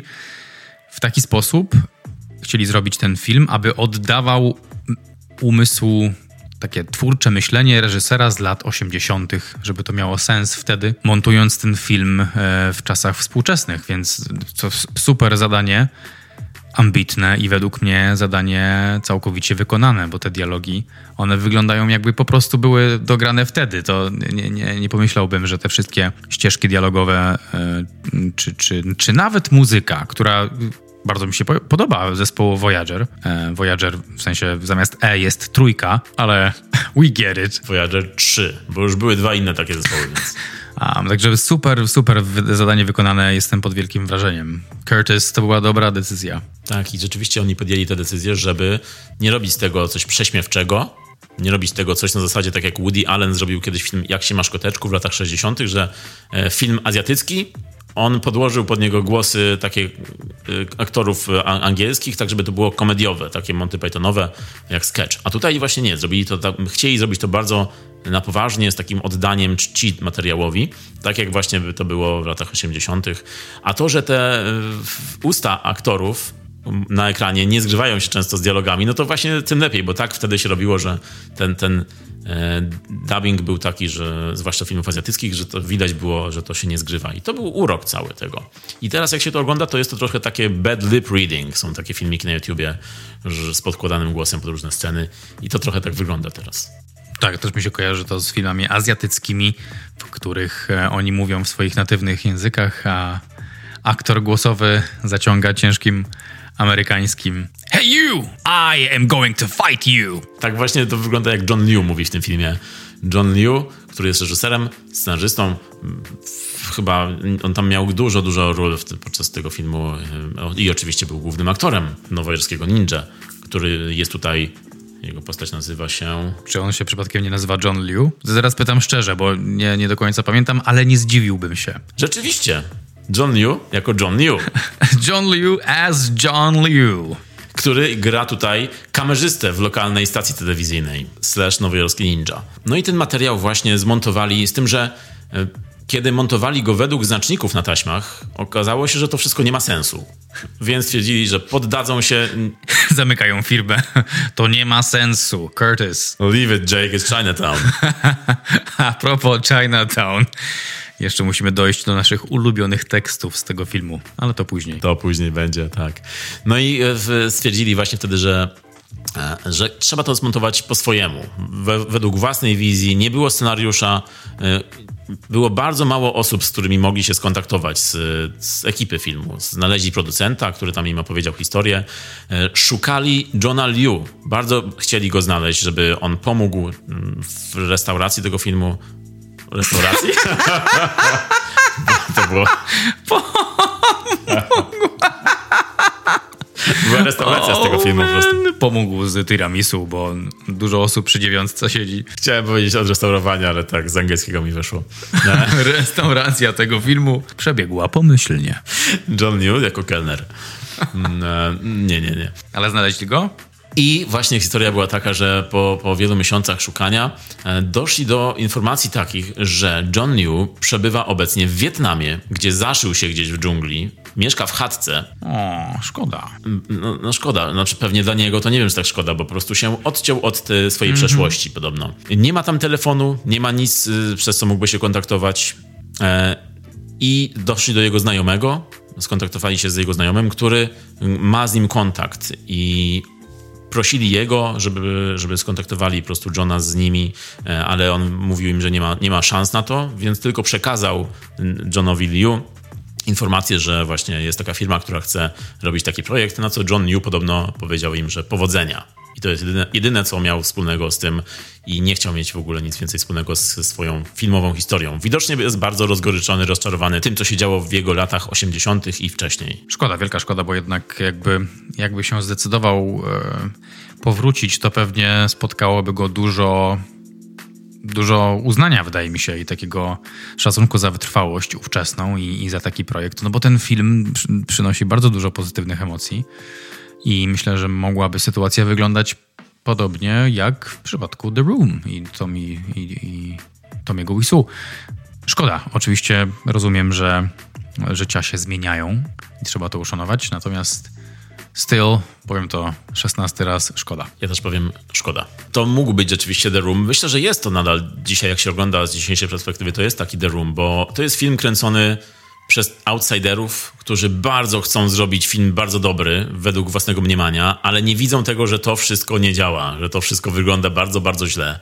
Z tym, że byłby to taki The Room jeszcze bardziej swojego czasu, gdyby nie to, że po prostu zdjęcia zostały przerwane, film nie został dokończony, nie nakręcili całego materiału, podobno nie było nakręconego zakończenia, chociaż to, co teraz oglądamy, no to wygląda jakby było jako takim zakończeniem. E, ale właśnie nie był skończony przez to, że ta firma 21st Century Distribution zawiesiła swoją działalność, zbankrutowała i wszystkie taśmy po prostu poszły do archiwum. Praca została przerwana mm, nagle, więc cała ekipa po prostu poszła do domu i nikt więcej tego materiału, materiału nie oglądał. Nawet nie wiedzieli, że ten materiał istnieje. Ci twórcy z ekipy tego filmu po latach, kiedy się dowiedzieli, byli bardzo zaskoczeni, że ten materiał jeszcze gdzieś jest. No i kiedy ta firma zbankrutowała, e, oczywiście kariera Johna Liu się skończyła. Nikt nawet nie wiedział, że on pracował nad takim filmem. Wszyscy myśleli, że oficjalnie 82 rok to był koniec jego kariery. No ale, ale te materiały, te wszystkie e, filmy, które były w posiadaniu 21st Century Distribution, one krążyły wtedy i między innymi trafiły do wytwórni Troma, słynnej w też amerykańskiej wytwórni filmowej, która tworzy tromastyczne filmy. Lloyd Kaufman jest jej szefem i między, między innymi Toksyczny Mściciel i mówiliśmy o Tromie wiele, wiele razy. Czyli w dobre ręce wpadło. I wyobraź sobie, że w takie dobre ręce wpadła paczka z filmem Nowojorski Ninja i nawet Lloyd Kaufman, kiedy oglądał e, ten materiał, e, chciał go skończyć, ale stwierdził, że tam jest za mało materiału i nawet taka wytwórnia jak Troma nie da rady tego, z tego zrobić filmu. Jak nawet Troma się poddała, to to już znaczy, że to było coś bardzo, bardzo złego. No ale właśnie na szczęście te 40 lat później Vinegar Syndrome e, po prostu film trafił w dobre ręce. Jest taka nawet historia, którą Curtis Spiller opowiada.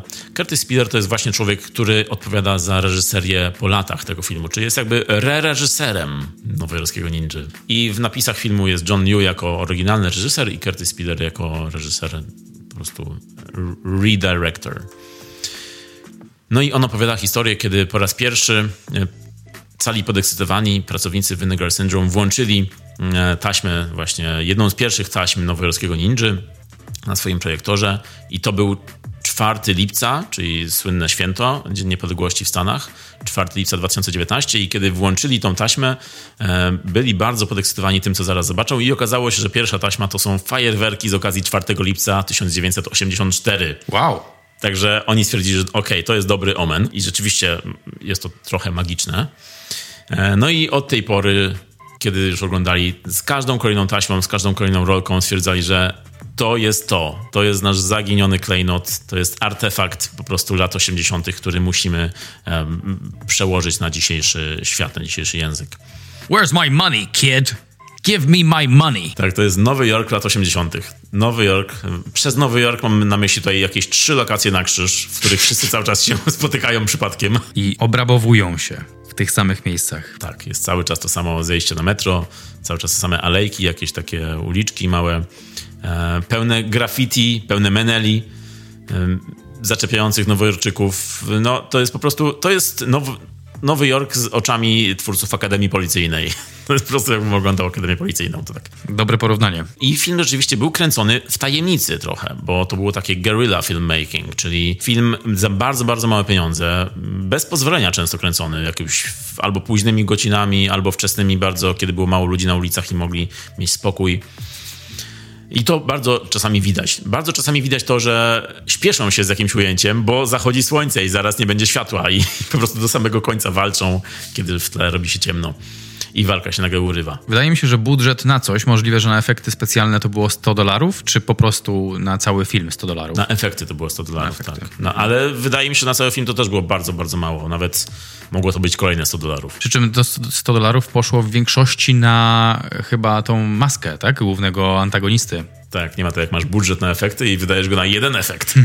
na, na maskę antagonisty, który, no musimy to powiedzieć, nazywa się tutaj Plutonium Killer. Plutonium Killer. Morderca Plutonowy. Plutonowy, tak. To jest w ogóle bardzo ciekawy, ciekawa postać. W ogóle fabuła tego jest, filmu jest bardzo, bardzo dziwna, bo oglądasz na początku, myślisz, że to będzie film o ninja, a to się okazuje, że to jest jakaś wariacja Supermana po prostu. Wariacja kina komiksowego, w której John New jest reporterem telewizyjnym. Right. I kiedy coś się dzieje, on nagle znika i za chwilę się pojawia nowojorski ninja. Przy czym dla nikogo z otoczenia nie jest to dziwne, że jedyny Azjata w okolicy zniknął i pojawił się nagle ninja jakiś nowy.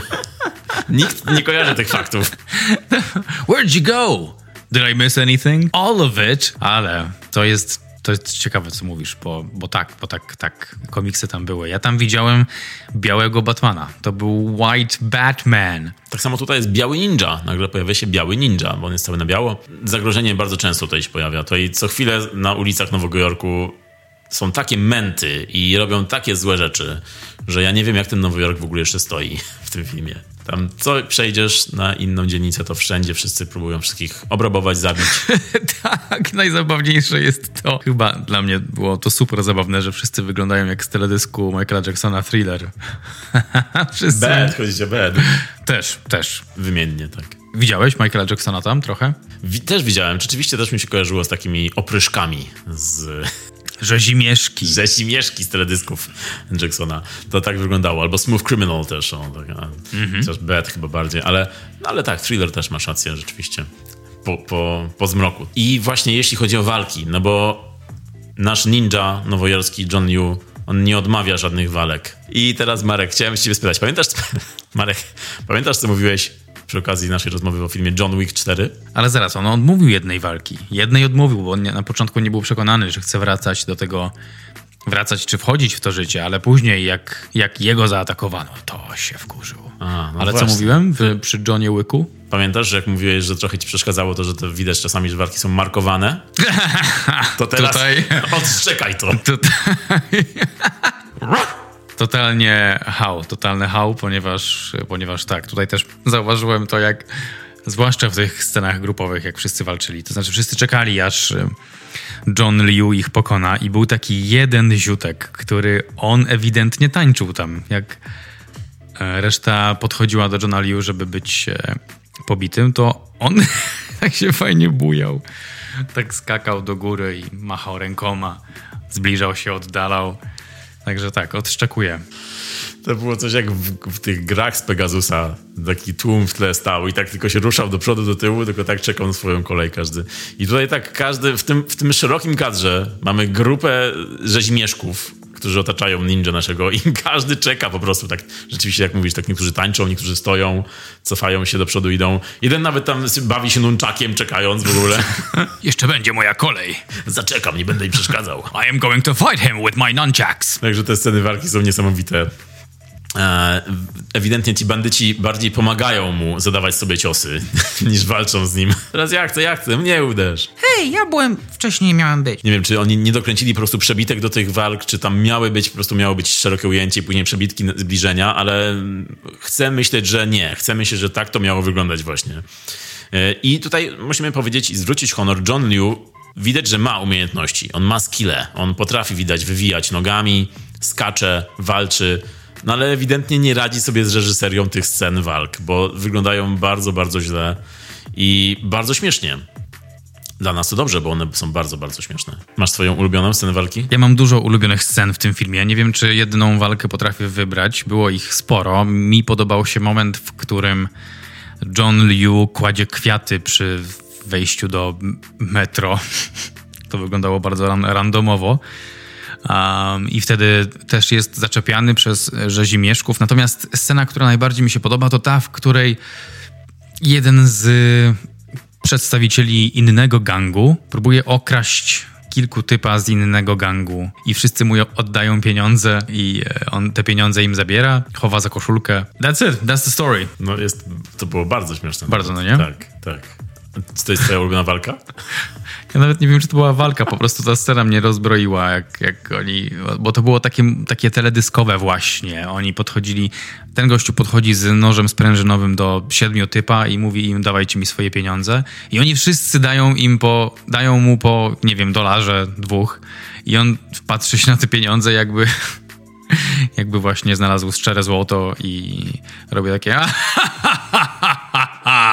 i chowa te dolary za kurtkę, po prostu nie ma kieszeni, tylko za kurtkę chowa dolary i tamci jeszcze za nim idą, tak jakby chcąc być jego przyjaciółmi, tak to wyglądało, tak hej, zabierz nas ze sobą i on po prostu ich odpycha i pff, wow, tak, taka scena kradzieży to się rzadko zdarza. To prawda, to prawda. I w ogóle sceny przestępstw i przestępców w tych filmach, tych rzezimieszków bardziej. Ej, nie powiedzieliśmy jeszcze nawet o czym jest w ogóle ten film. Chyba musimy powiedzieć fabułę tego filmu. Właśnie nie wiem, musimy? Czy, bo nie wiem, co będzie lepsze, właśnie jakbyśmy nie powiedzieli o czym jest i powiemy, że takie super rzeczy się dzieją, czy co bardziej zachęci was? Słusznie. Właściwie nawet oglądając ten film, to ciężko powiedzieć, o czym to wszystko jest. I nawet twórcy tego chyba nie wiedzieli do końca, ale możemy powiedzieć, jak ten film się zaczyna. Bo to jest kluczowe. Ten film, jak się zaczyna? Jak się, jak się zaczyna? On, ym, główny bohater, przeżywa traumę na początku, bo traci żonę, która była w ciąży, chyba nawet. Yy, z dzidziulkiem. Nie tylko traci żonę, ale z żonę, która była w ciąży. Tak tam, w tym filmie twórcom zawsze mało. Po prostu, jeśli już ktoś traci żonę, to jeszcze żona musi być w ciąży. Ta scena, jak oni się kochają i, i jaką, jaką miłość przeżywają, która potem jest, e, potem jest niszczona przez losowego rzezimieszka e, i jego nóż, jego ostrze na gardle tej żony. To była smutna scena. Ale proces żałoby, który zaczyna się od e, lądowania helikoptera w ogóle. Helikopter ląduje w losowym miejscu i spotyka się nie wiem. Jego współpracownicy pracujący w telewizji i szef jednej dziewczynie mówi, że musi go pocieszyć, że musi go nam zwrócić, bo on się odcina, John Liu po stracie. I ona mówi mu, że nie, że nie dam rady. A ten szef jej mówi, it's your job. I ona od razu zmieniła, skruszyła się i powiedziała, yes, I know, it's my job. Zaakceptowała to. To jest ta reporterka w blond peruce, która wcale nie wygląda na blond perukę. To się nazywa acting. Tak jest. Ale scena, w której zaczyna się, scena, od której zaczyna się ten film, czyli to jak John Liu spotyka się ze swoją żoną, prawie jak sekwencja musicalowa jakaś, kiedy na ulicy Nowego Jorku się schodzą, rozchodzą, schodzą, rozchodzą i ona jeszcze mówi mu, kocham cię, kocham cię. I ona mówi, kochanie, jestem w ciąży. tak, dokładnie. Jest jedna informacja za drugą. Tak, tak nam chcą twórcy pokazać, że to jest taki dobry związek, oni są tacy szczęśliwi, to że... jest prawdziwa miłość. Drodzy widzowie. I to jest moment, kiedy od razu wiesz, okej, okay, dobra, już wiemy, że zginiesz. No ile minęło? Ile? Z pięć minut filmu? Tak jakoś na początku. Na ginie. samym początku. Od razu, od razu schodzi po schodach na metro i tam spotyka grupę przestępców, rzezimieszków, których przywódcą jest Freddy Cufflinks. Czyli można by przetłumaczyć to jako Freddy spinki do mankietów. I tam jeszcze przecież dziecko się pojawia. Czy to jest przed tą żoną, czy po tej żonie, jak się pojawia dziecko, z którego, od którego próbują pieniądze wyciągnąć Rzezimieszkowie. To było po żonie chyba, po śmierci. Po żonie, tak. Pamiętasz tą scenę, jak ten dzieciak mówił, nie mam pieniędzy, do góry nogami A, go schwytajcie. Okay, Rzeczywiście tak. nie ma pieniędzy, tak. bo nic nie wypada z kieszeni. Najlepszy sposób na przeszukanie kogoś. W biały dzień Nowego Jorku. Tak robią na lotniskach zawsze, przychodzisz przez bramkę. Poproszę pana nogi do góry. No to potrwa tylko chwilę. No i nasz bohater podczas żałoby, niestety, bo ta żałoba jest bardzo taka ekspresyjna. O oh, wow. To jest żałoba w stylu Tomiego Wisu. To jest why na całego. I on chodzi od słupa do słupa, skacze. Tak, tak, była tam, że od słupa do słupa chodzi taka scena, tak.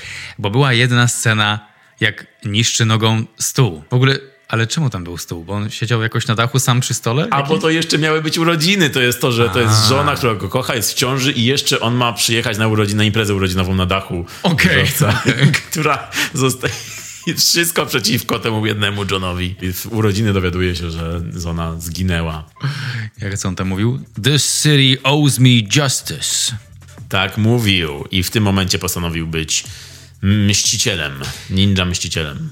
No właśnie, Jaką byś dał nazwę temu, temu Johnu? Ale jemu jako jego postaci? Temu Johnu w przebraniu. Biały Czy... ninja. Biały ninja, tak byś powiedział, tak? To jest twój typ? No, nowojorski ninja jest e, według filmu i tam w ogóle z transparentami ludzie chodzą z napisem no, I love New York Ninja. No wiem, ale ty, gdybyś ty miał wybrać nazwę temu Johnu, po, po, mhm. po tych wszystkich latach, 2023 mamy doświadczenia wszystkich komiksowych, no w większości większych komiksowych Czyli... bohaterów. I teraz Michał Miller musi wymyślić nazwę dla Johna Liu. Jako postaci tej filmu. Tak, tak. Dobra, tak. to ja mam. Ja bym dał mu nazwę Ninja, pisane przez N, Y dużymi literami, jako oh, New wow. York. Ninja. Wow, to jest bardzo dobre, Michał. Ninja. Bo tam jest NY, NY. i jest Ninja. I jest Ninja, czyli New York Ninja wow. razem Ninja. Ale to jest super nazwa. To ja nawet nie wychylam się ze swoją. Nie, nie, powiedz, powiedz. No dobra, namówiłeś mnie. Ja myślałem nad nazwą i muszę przyznać, że trochę mi to zajęło. ale, ale uważam, że to by pasowało super. I myślę, że Christopher Nolan też by to docenił. Według mnie to był mączny rycerz. Wow. Wow. bo, bo nosił ze sobą kulki, które się zamieniały w proszek. tak, coś co ja myślałem, że to są jajka na początku. Myślałem, że rzuca jajkami. I miał beżowy kolor stroju, więc... Słuchaj, jesteśmy, myślę, że można znak równości postawić przy tych dwóch nazwach, bo nie wiem, która lepsza, szczerze mówiąc. Mączny ninja mi się bardzo podoba. Mączny rycerz. Mączny rycerz, już zobacz. Nawet Ale mógł być mączny ninja. Mącz Ninja. Mącz Ninja jeszcze lepiej to można skrócić. Mącz Ninja przez ny y, dużymi literami. Bardzo mi się podoba. Czyli w oryginale, w oryginale byłoby to Flower Night. Mączny ninja powstaje. Tak jak John Liu, czyli po prostu w najgorszy możliwy sposób. Ale John Liu nie zawsze jest tym mącznym ninją jak już ustaliliśmy. Oczywiście ma też jakiś łuk swojej postaci. My, ja do końca, być może to tylko ja, ja nie skumałem, czemu on jest tym ninją. Czy on miał jakiś, jakiś trening wcześniej, to w filmie nie jest jasne. On po prostu jest operatorem kamery chyba lokalnej stacji telewizyjnej, zabijają mu żonę, and then następnego dnia haja! I walczy z przestępcami. I tak to wygląda. I on jakby ratuje miasto powoli i staje się takim symbolem, trochę jak, jak Batman w, w swoich opowieściach. I zauważamy też, jakie ma, y, jaki wpływ ma na to miasto, jakie dziedzictwo po sobie zostawia mączny ninja, mączny rycerz. I on tak y, od swojej żony powoli ratuje jakieś jednostki, aż spotyka się z głównym antagonistą, który słyszy o Mącznym Rycerze, właściwie to czyta o nim w gazecie i wtedy uznaje, że to jest jego arcyrywal. Czyta o nim w gazecie siedząc w limuzynie na jakimś, jakimś, nie wiem, terenie trawiastym. Nie wiem, co to jest to miejsce. I ten y, Plutonium Killer, on, jego, jego głównym vibem są kobiety, które porywa, hipnotyzuje je, porywa, gwałci i zabija. I e, w taki sposób też e, mączny ninja dowiaduje się, że, że to jest z kolei jego arcyrywal, arcywróg, no bo tak nie może się dziać na ulicach Nowego Jorku. To jest jak Batman i Joker, oni musieli się po prostu spotkać w końcu. I ten Plutonium Killer, on, to jest w ogóle dziwna postać. On jest. Bardzo... Czemu tak myślisz, Michał? Czemu? W bardzo dziwnym filmie to jest bardzo dziwna postać. To już dużo mówi. Kiedy właśnie myślisz, że to jest film o ninży, później myślisz, że to jest film superbohaterski, a później nagle jest to film o seryjnym mordercy który jest nie tylko seryjnym mordercą, ale jest jeszcze takim arcywilenem jak z komiksu, hmm. bo ma jakąś moc swoją, jest tak. tym plutoniem killer. On w ogóle, nie wiem, on musi siedzieć w ciemności, on nie może wychodzić na słońce, bo twarz mu się zaczyna topić, ale on tak naprawdę w ciągu dnia siedzi w tym samochodzie i czyta gazetę. Tak, tak, tak, tak. tak. Nie rozumiem tego jego, jego łuku postaci. Mm, mm. Ale wiem, że on rzeczywiście, on uwodzi kobiety, mm. sprowadza je do swojej limuzyny, gdzie uprawia z nimi seks podczas tak. seksu on nagle zaczyna się topić albo palić, nagle dymi i nagle jego ręce zaczęły jakby parzyć, tymi rękami dotyka plecy kobiety i jakby parzy tą kobietę. Trochę takie ręce, które leczą. Co leczą? Co one leczą? Zbyszek Nowak musiałby odpowiedzieć na to pytanie. I on nagle w pewnym momencie oprócz tego, że zabija oczywiście tą kobietę i co, co, najlepsze, ciało kobiety zostawia w śmietniku, ale nie w takim dużym śmietniku, takim, takim, takim koszu na śmieci i ta kobieta tak po prostu siedzi pupą i tak wystaje z tego, tak jakby, jakby przysnęła w tym koszu. Tak?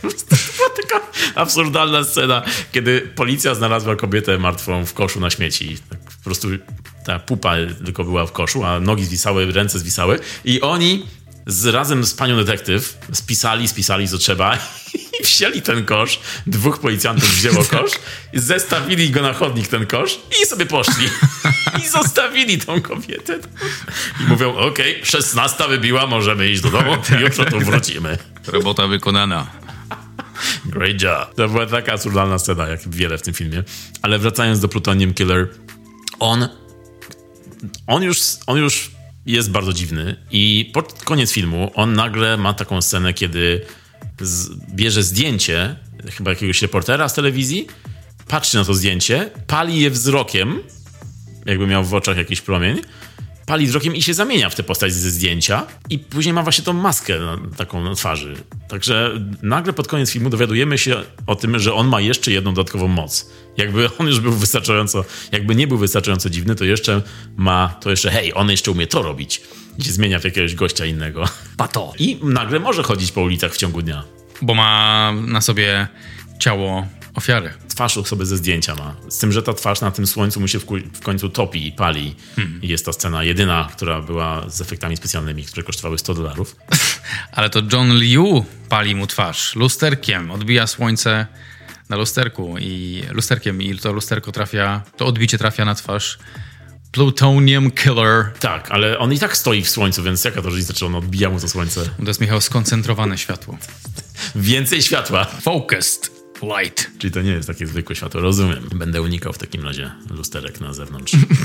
I zegarków, bo ludzie też noszą zegarki, też się światło odbija. Racja, racja. Ale tak, tak, no tak to wygląda właśnie.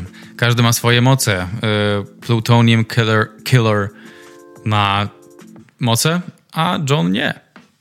Chociaż y, wnosząc po jego umiejętnościach, nawrotkach, to wydaje mi się, że ma jakieś moce.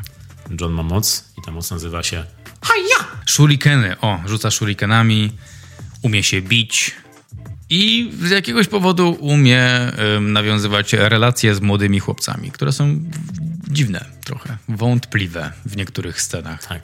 Wchodzimy w ten wątek? Ach, nie chciałem, ale, ale chyba jednak chciałem, skoro sam o tym powiedziałem. Czy mówisz o scenie, w której rzeźmieszek strzela do ninja i trafia go w serce? I, I strzela i zabija jakiegoś dzieciaka też randomowego przy okazji. I ten ninja i dzieciak myślimy, że są martwi, po czym mamy napis kilka tygodni później. Tak jest! I okazuje się, że ninja dostał kulkę w serce, ale tak naprawdę on żyje i on leczy siebie i tego dzieciaka jakimiś olejkami.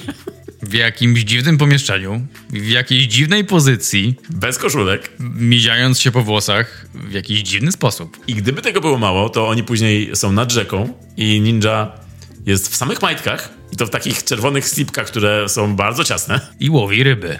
I łowi ryby i przynosi tą rybę cały mokry w tych majtkach temu dzieciakowi i daje temu, tą, temu dzieciakowi rybę. I mówi mu, masz, jeśli chcesz być taki jak ja. Nie, tego nie mówi już. Ale to, to była, było to trochę niepokojące, jak zobaczyłem pierwszy raz, a kilka raz oglądałem, to widziałem tę scenę i miałem lampkę w głowie. Wait, what? what?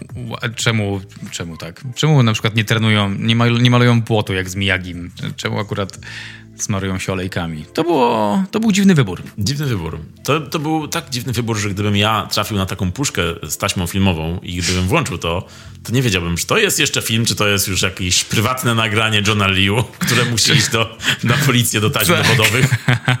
Podkładać tutaj muzykę Voyager, czy jakiś bas? Tak, no, no tutaj, tutaj myślę, że panie władzo, mamy dowody. Także jest nagła taka, nagła zmiana klimatu właśnie wtedy. Mi się to skojarzyło też ta scena z słynnym mem memem internetowym, w którym e, jest pokazana plansza ileś tam czegoś czasu później i jest to mówione z takim francuskim akcentem a few moments later. To tutaj było a few weeks later. I John New bez koszulki smarujący tak, się tak. olejkiem. Tak, tak. tak wszystko pasuje. No i mimo tego przerywnika, no to ninja wraca, ponieważ w mieście dzieją się złe rzeczy cały czas i miasto potrzebuje, Nowy Jork potrzebuje obrońcy, potrzebuje ninja.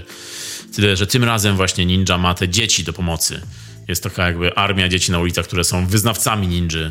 To ma nawet nazwę w uniwersum Batmana. To się nazywa Synowie Batmana. I wydaje mi się, że można by przełożyć to na ten film, mówiąc o synach ninży. Mącznego rycerza. Synowie Mącznego Rycerza. I ninja wraca, e, znowu walczy z, z rzeźmieszkami. W tym czasie w ogóle ten gang, jakiś gang porywa kobiety i te kobiety są przetrzymywane gdzieś w jakimś, nie wiem, budynku. Z tym, że one są przetrzymywane, są jakoś... Nie, to jest też bardzo dziwna scena, kiedy wszystkie kobiety są tam blondynkami, które wyglądają bardzo podobnie. To wygląda tak, jakby oni mieli swój typ kobiet, które porywają. I te kobiety są przetrzymywane. Ninja e, znajduje to miejsce, przychodzi, żeby je uwolnić, z tym, że nie uwalnia ich, wychodzi i wraca następnego dnia, i dopiero następnego dnia je uwalnia. I nie wiem dlaczego. Musiał iść. Kurde, późno już.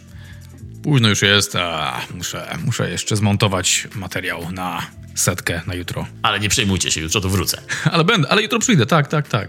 Na pewno, tak, tak, tak, będę, będę, tak. I następnego dnia wraca, uwalnia te kobiety, one wybiegają z tego budynku w ogóle, bardzo skąpo ubrane i zatrzymują się przy takiej beczce z ogniem wszystkie. To jest tak, wybiegają prosto do tej beczki z ogniem i wszystkie zatrzymują się i nagle widzą wana jakiegoś, który stoi pod ścianą i wszystkie mówią, ej, tam! I biegną i wsiadają do tego wana. Pierwszy lepszy van, jakiś facet stoi przed nimi i mówi, tutaj, tutaj jakieś 10 kobiet, kobiet wsiada budowana po prostu i odjeżdżają. To wszystko ma perfekcyjny sens. To jest, jesteś, jesteś porwaną kobietą, wychodzisz z uwięzienia i od razu pierwsze co robisz, to wsiadasz jakiemuś nieznajomemu do wana. Tu będziecie bezpieczne. No i to jest to, że wszyscy tutaj przypadkiem się spotykają w tych samych miejscach. Jest też nagle scena w Central Parku, w której ktoś się umawia z kimś. Spotkajmy się w Central Parku. Okej. Okay następnego dnia od razu się spotykają w Central Parku, w Central Parku. Wiedzą gdzie, chociaż Central Park jest bardzo rozległy. To Central Park ma tylko jedno miejsce, w którym można się spotkać, więc się tam spotykamy. I mamy tu też postaci policjantów, którzy współpracują z naszym ninją, którzy proszą go o pomoc i ci policjanci są policjantami, policjantami pod przykrywką. Z tym, że dziwne, że wszyscy noszą oznaki, będąc pod przykrywką. Nie wiem o czym mówisz, to jest, to jest standardowa procedura. Jesteś gliną? Nie. To czemu masz odznakę? To jest jest moja przykrzywka. Nie zrozumiesz. Nie pracowałeś nigdy w policji. A ty? Nie, nie, nie, ja też nie, coś ty. A były takie momenty, które ci się wyjątkowo spodobały albo nie spodobały? No na pewno ten, te, to otwarcie z ninją rozpaczającym to było coś mocnego, ale właśnie wracając do pytania, które tobie zadałem wcześniej o ulubioną walkę, to ja jeszcze muszę powiedzieć, i to jest dobry moment, że moją ulubioną sceną to jest chyba ta, kiedy walczy, kiedy nasz ninja walczy z tym kierowcą limuzyny. Pamiętasz tego kierowcę, który nazywa. O Boże, tak! Na tym polu. Na tym polu. I ten kierowca nazywa się Rat Tail. Rat Tail? Ogon, Ogon szczura. Okay. Bo on ma, pamiętasz, taki mały mhm. warkoczyk jakby. Taki bardzo dziwny warkoczyk, który on, on sobie tak bierze w palce i wkłada sobie do ust. Tak, tak, tak, tak. tak. To, to, jest też wybór, wybór twórczy. Nie wiem dlaczego, ale on bierze te swoje włosy i wkłada je, wkłada je do ust i dopiero wtedy walczy. To jest jego przygotowanie do walki, jakby tego Aha. naszego czarnego bohatera. Ale mocna była ta walka. Tam były, tam były miecze, tam się działo. Z jednego miecza zrobiły się dwie szpady, jakby tam. On mm. miał mhm. dwie szpady nagle, nasz ninja miał miecz i walczyli. I, I to jak, jak ten rat tail, to jakiś gość, gość taki z wąsikiem w garniturku, taki elegancik z tym ogonkiem e, swoim szczurzym. Jak on walczy, to jest jakaś technika pijanego smoka. Tak, tak, ale to, ale to wyglądało fatalnie. Chyba chcieli trochę Jackiego Chana po, poparodiować, e, ale no wyszło, wyszło lepiej nawet niż Jackie Chan. Przykro mi Jackie, ale wydaje mi się, że wyszło lepiej. Wyszła technika pijanego wujka. I on tam walczy bardzo, bardzo zabawnie. To była, to była scena, której nie mogłem się przestać śmiać. E, I ta scena też się rozgrywa. Najpierw się rozgrywa w ciągu dnia, ale właśnie później zapada półmrok i później robi się trochę ciemno i scena się urywa. Pewnie dlatego, że właśnie skończyło się słońce, skończyło się światło, powiedzieli, ok, nie możemy dalej kręcić. Dokończymy to innym razem. Następnego dnia, dobra, zbankrutowaliśmy, nie, nie możemy skończyć filmu. I ta scena nie zostaje skończona. Ta walka w ogóle nie ma końca. Ona, ona tak trwa i trwa i trwa i nie wiadomo, co się dzieje na koniec tej walki. To jest, to było piękne. To było piękne. To jest po prostu otwarte do interpretacji dla nas. To jest jak u Lyncha po prostu. No i właśnie zbliżamy się do zakończenia, kiedy e, ni stąd, ni zowąd Plutonium Killer postanawia porwać jedną z kobiet ważnych e, w tym filmie, czyli tą reporterkę z blond peruką. Postanawia po prostu ją porwać, nie wiadomo dlaczego, już jest przyszpilony do ściany, już jest tak, już prawie go mają, więc stwierdza, hej, to ja porwę tą dziewczynę i razem uciekniemy. Dlaczego? Porywanie dziewczyny jest fajne, po prostu. Powiedział Marek Szczepański. Poleca. Proszę pamiętać o kontekście. No i porywa ją i razem uciekają. Ninja ich tam gania po mieście. On, e, on ucieka na lotnisko, chce uciec helikopterem, ale helikopter jest zamknięty, więc ucieka dalej na lotnisko i szuka jakiegoś samolotu i, i w ogóle tam się dzieją bardzo dziwne rzeczy na tym lotnisku. Tam wszyscy, wszyscy jego mm, henchmen czekają już na ninja i kiedy Plutonium Killer ucieka z tą dziewczyną, to oni zatrzymują ninja, mimo że nie wiedzą, że tam, że tam ktokolwiek będzie na tym lotnisku, to oni tam czekają już i walczą z ninją. I pamiętasz tą scenę z tym henchmanem, który siedzi na helikopterze na śmigle? Ninja walczy ze wszystkimi i nagle jeden z tych henchmenów woła Hej, ninja! I ten ninja patrzy do góry, a ten jeden z nich siedzi na helikopterze okrakiem, tak, na, tak, tak. na śmigle. Tak, tak, tak. Bo to jest najlepsze miejsce, żeby... Tak. I, I have the high ground, Anakin. I woła jeszcze. Najlepsze jest to, że on ma, on ma karabin w rękach i woła, hej ninja! I tak zamiast go zabić, to on rozmawia z nim jeszcze, mówi, i co teraz mi zrobisz? Mam karabin i zaraz cię zabiję. A ninja w tym czasie wyjmuje ten wachlarz swój w ogóle z jakimiś tak jest. A ten zbir mówi, i co, wachlarz? Myślisz, że powstrzymasz mnie tym wachlarzem? Michał, musisz zrobić polski dubbing. No więc to była taka świetna scena, kiedy on tak siedzi z tym karabinem na tym śmigle i tak, i tak mówi i tak się śmieje, czy ha, ha, ha, myślisz, że mnie powstrzymasz? I ninja rzuca w niego tym wachlarzem i on umiera po prostu tak. Tak, tak. tak. tak opada to miał być, ten wachlarz miał być jakiś ostry, miał mu się w coś wbić, przeciąć coś, ale nie pokazali tego. W sensie był, był jakiś dźwięk. Tak. Ale on po prostu się zgiął, ten, ten, ten przeciwnik. Nic innego Od samego powiewu wiatru. tak. Ale przypomniało mi to scenę. I dlatego oglądałem wczoraj Hard Ticket to Hawaii, bo przypomniało mi to scenę rzucenia frisbee. Frisbee z nożami. Ostrzami, żyletki, żyletkami, tak, tak. tak Słynna tak, scena, tak, klasyka tak, kina, tak. tak. Piękna scena. To tak. był uh, Shades. You've got a great ass. So do you, Pilgrim. Marek, musimy jeszcze raz nagrać odcinek o Hard Ticket to Hawaii, bo ja to jest, to się jest zgadzam. piękny film. To jest cudowny film. Ale wydaje mi się, że nowojorski ninja, może jakby był hawajski ninja, to myślę, że to by było dobre połączenie. No myślę, że te filmy w ogóle są dobrym e, maratonem. Hard mm. Ticket to Hawaii, Nowojorski Ninja, jeszcze jest Miami Connection też mógłby być do tego zestawu, ale powiedziałeś hawajski ninja, a film Nowojorski Ninja kończy się takim e, taką, e, jak to się Jamesy Bondy zazwyczaj kończą. Ostatnia scena jest ninja wyskakuje, robi haja! Jest stop klatka i jest napis Ninja will return mm -hmm. in mhm. LA Ninja. Tak jest. No ja czekam. Mam nadzieję, że oni mają jakiś zagubiony materiał jeszcze znaleźli i zrobią z tego drugą część, ale bardziej mi się wydaje, że to jest po prostu taki żart. Ale zanim się to dzieje i właśnie mamy jeszcze końcówkę, kiedy Plutonium Killer chce odlecieć tym helikopterem i ninja się zawiesza na helikopterze i, i nagle spada z tego helikoptera na jakieś linie i nie, ni stąd, ni zowąd Plutonium Killer już odlatuje i nagle helikopter wybucha. Nie wiadomo kiedy Ninja podłożył tam pompę nawet.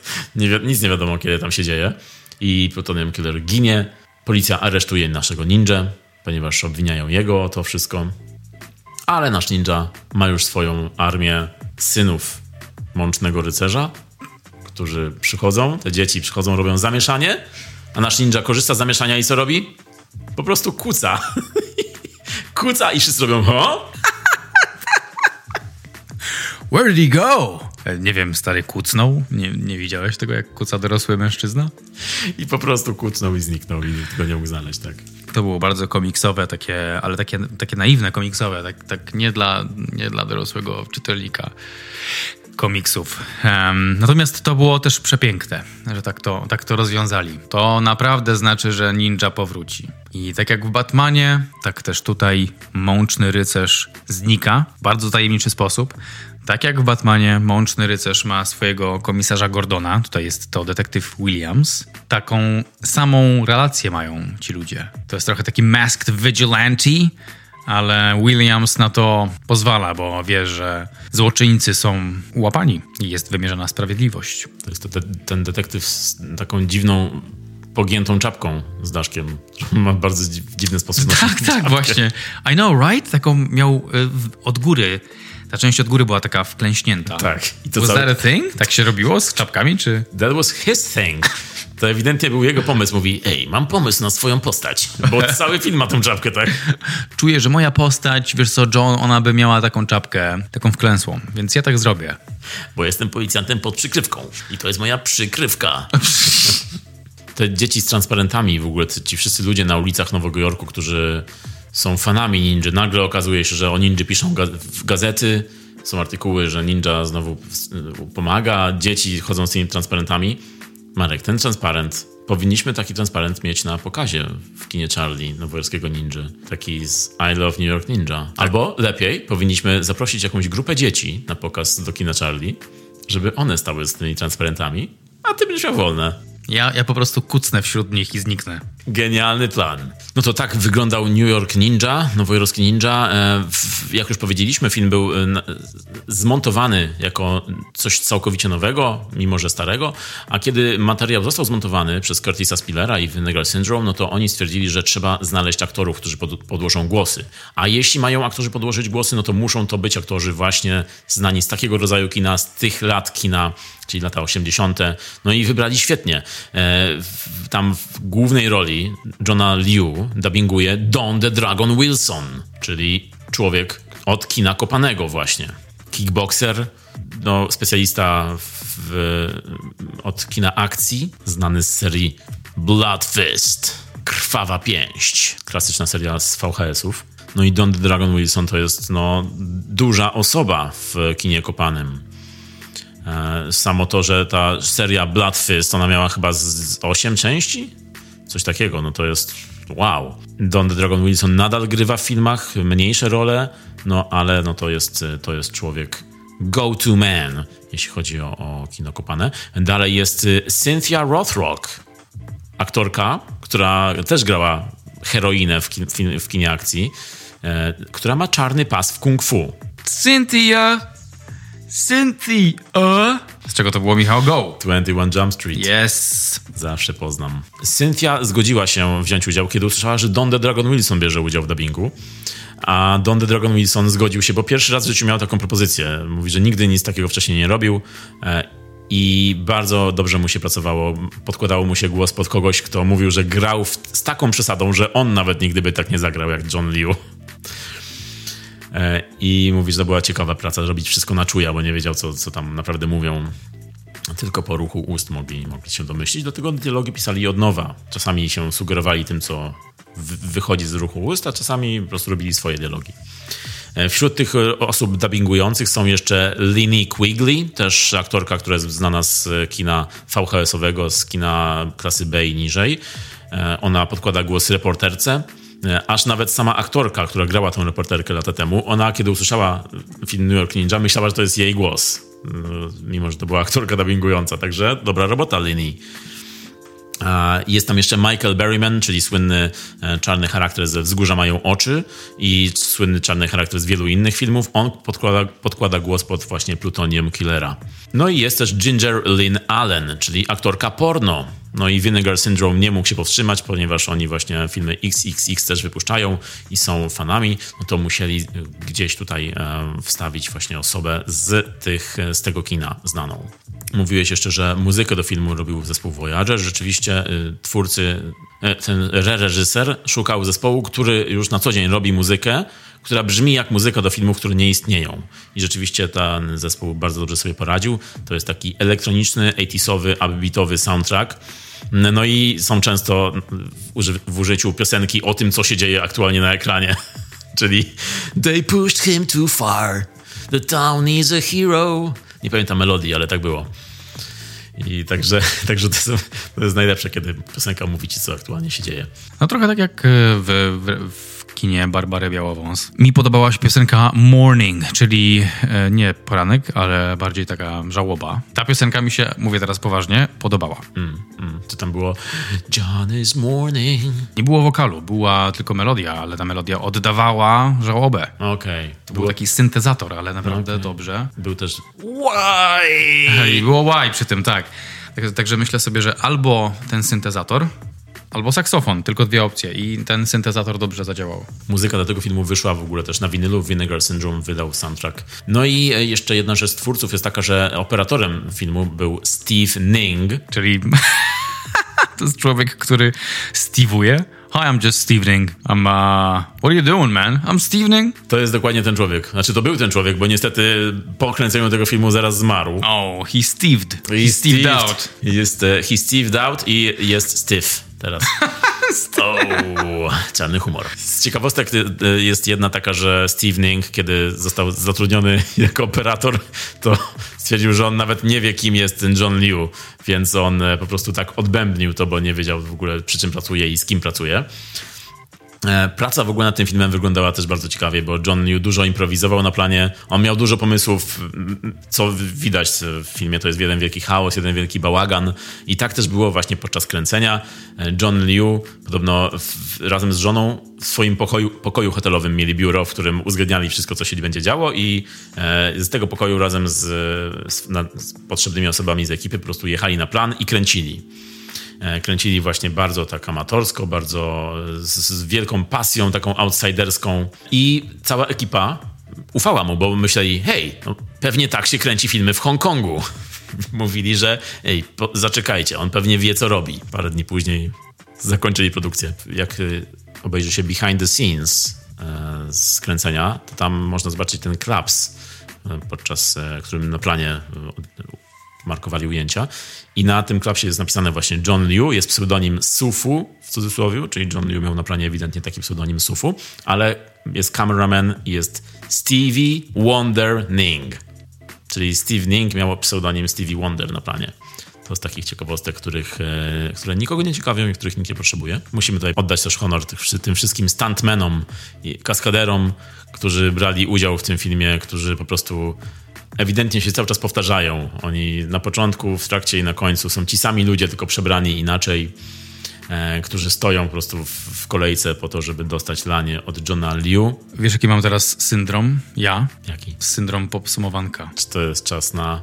Haja! Popsumowanko. Film Nowojorski Ninja dla mnie to była bardzo fajna mizeria. Myślę, że słowo mizeria jest bardzo dobrym słowem, bo można ją jeść na słodko, na słono.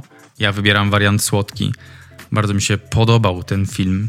Wydaje mi się, że każdy zamiar postawiony przez twórców z lat 70., 80. został, został zrealizowany, mimo że nie oryginalni twórcy się tym zajmowali. Jest tam masa akcji, jest twardy łuk postaci, trauma na początku, która zmienia naszego bohatera na zawsze.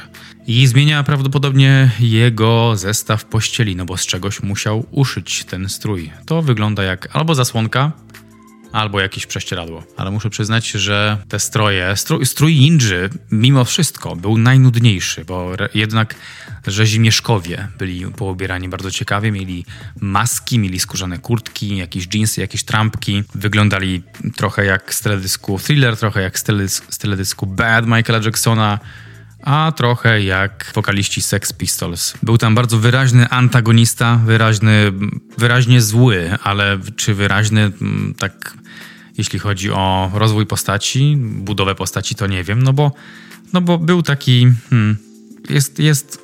Czemu jest z Plutonu? Czemu to jest plutonowy zabójca? Czemu on się topi, i, ale się nie topi, ale dziewczyny topi? No i czemu nagle ma taką umiejętność fotograficzną, że się zamienia w kogoś? Uh, nobody knows, everyone enjoyed it. Nowojorski Ninja dla mnie trochę przywrócił ducha Batmana, tak mi się to oglądało. Nawet dosłownie w niektórych momentach mm, było mówione, że jest to zamaskowany mściciel, a zamaskowany mściciel w czasach współczesnych, jak to się gdzieś powie, to widzi się od razu Batmana. Masked Vigilante, nawet jest to cytat z filmów Nolana. Także kto był pierwszy? John Liu. To on, on opatentował ten tekst i od tej pory będę to pamiętał. Także ja, ja myślałem o wielu rzeczach oglądając ten film. Myślałem o, o, o Batmanie, o Martinie Riggsie. Riggs! I'm too old for this shit. Myślałem o, myślałem o saksofonach, których nie było, ale była muzyka, super muzyka w wykonaniu zespołu Voyager. Mnie się wydaje, że film Ninja, jak to zostało opowiedziane przez Michała, pokazuje to, co chce. I dla mnie, z mojej strony szacun, że reżyserzy, ci współcześni, czyli Kurt, był w stanie oddać tak bardzo tego ducha lat 80. i tych filmów akcji, w których liczyła się tylko akcja. Ja chcę żyć w świecie, w którym ludzie odnawiają takie perły. Jestem fanem syndromu octowego. Chciałbym chorować na taki syndrom. Ten film w ogóle ma bardzo wysokie oceny i przez krytyków jest uznawany jako, jako dobry film. Dobry film akcji, taki akcyjniak. On ma 96% na Rotten Tomatoes, to się rzadko zdarza. Right? Więc, więc naprawdę to jest, to jest film, który można, do którego trzeba nawet wracać, do którego teksty się powtarza. E, kilka z moich ulubionych to na przykład tekst, jeden z kolejnych tekstów, który się pojawił podczas sceny kradzieży, czyli Hey Chinatown, what you're offering? Podczas ym, napaści na Johna. To John, John to był Chinatown i ci złoczyńcy chcieli od niego jakieś dobra. Więc się go spytali, what you're offering? Co oferujesz? Albo tekst, this city owes me justice. Albo scena, w której John, kilka scen, w której John krzyczy, why? It's not fair! Why? Oh, hi ninja. To są teksty, do których się wraca, do których powinno się wrócić. Ten tekst jest, ten film jest cytowalny, jest to, jest to, wydaje mi się, film rytualny, do którego ja na pewno wrócę. I właśnie tak krytycy określają ten film jako w, chyba bardzo, bardzo kampowy, wysoko oktanowy, pełen cytatów, bardzo kampowy, scen i tekstu do zapamiętania. Ja się z tym zgadzam. Ja na pewno jeszcze wrócę do tego filmu. Jeszcze taką rzeczą, która, która ze mną została, to, to kadry, które naprawdę niektóre są imponujące. Na przykład ten kadr w scenie, w której John jedzie, płynie promem i w tle są dwie wieże World Trade Center i on tam stoi jako taki um, prawilny protagonista i to, to mnie zaciekawiło. To miałem wtedy takie wow. Więc ten film jest pełen niespodzianek też.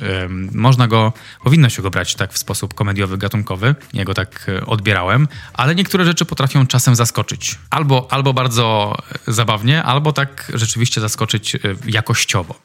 Także ode mnie, ode mnie takie 7,5 na 10 i serducho i uwielbiam i to jest mój to jest mój chyba kolejny najlepszy, najgorszy film. No ja tutaj zgadzam się ze wszystkim, co powiedziałeś, bo ten film jest wyjątkowy i cieszę się waszym szczęściem, jeśli go jeszcze nie oglądaliście i obejrzycie go właśnie na najlepszych z najgorszych, no to będzie przeżycie niezapomniane. To jest, to jest coś, co zdarza się rzadko.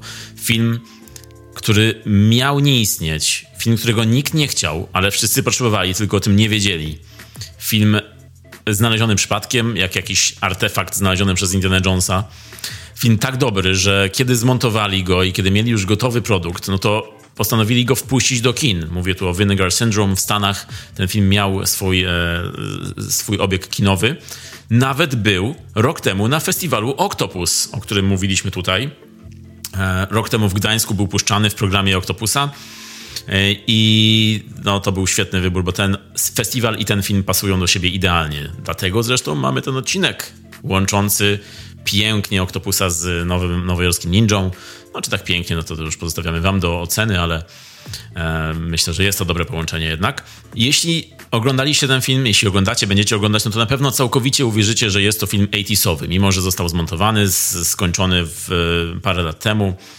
Mm, no, jest to świat, w którym aktorzy grają z niesamowitą nadekspresją. John Liu pokazuje traumę, z której szybko przechodzi w po prostu w superbohaterskość e, i w bycie w bycie niezwyciężonym. Po prostu szybko mu ta trauma przechodzi, mimo że jest bardzo głęboka trauma na początku. To bardzo szybko się to zmienia. Jest to świat, w którym ciąża może oznaczać tylko jedną rzecz śmierć. Świat, w którym wszyscy Azjaci znają kung fu i karate, ponieważ nasz bohater jest e, operatorem kamery, ale momentalnie zmienia się w ninja i w karatekę, mimo że nic na to wcześniej nie wskazywało. To jest stereotyp, który jest w tym filmie akurat utrzymywany przez samego Johna Liu.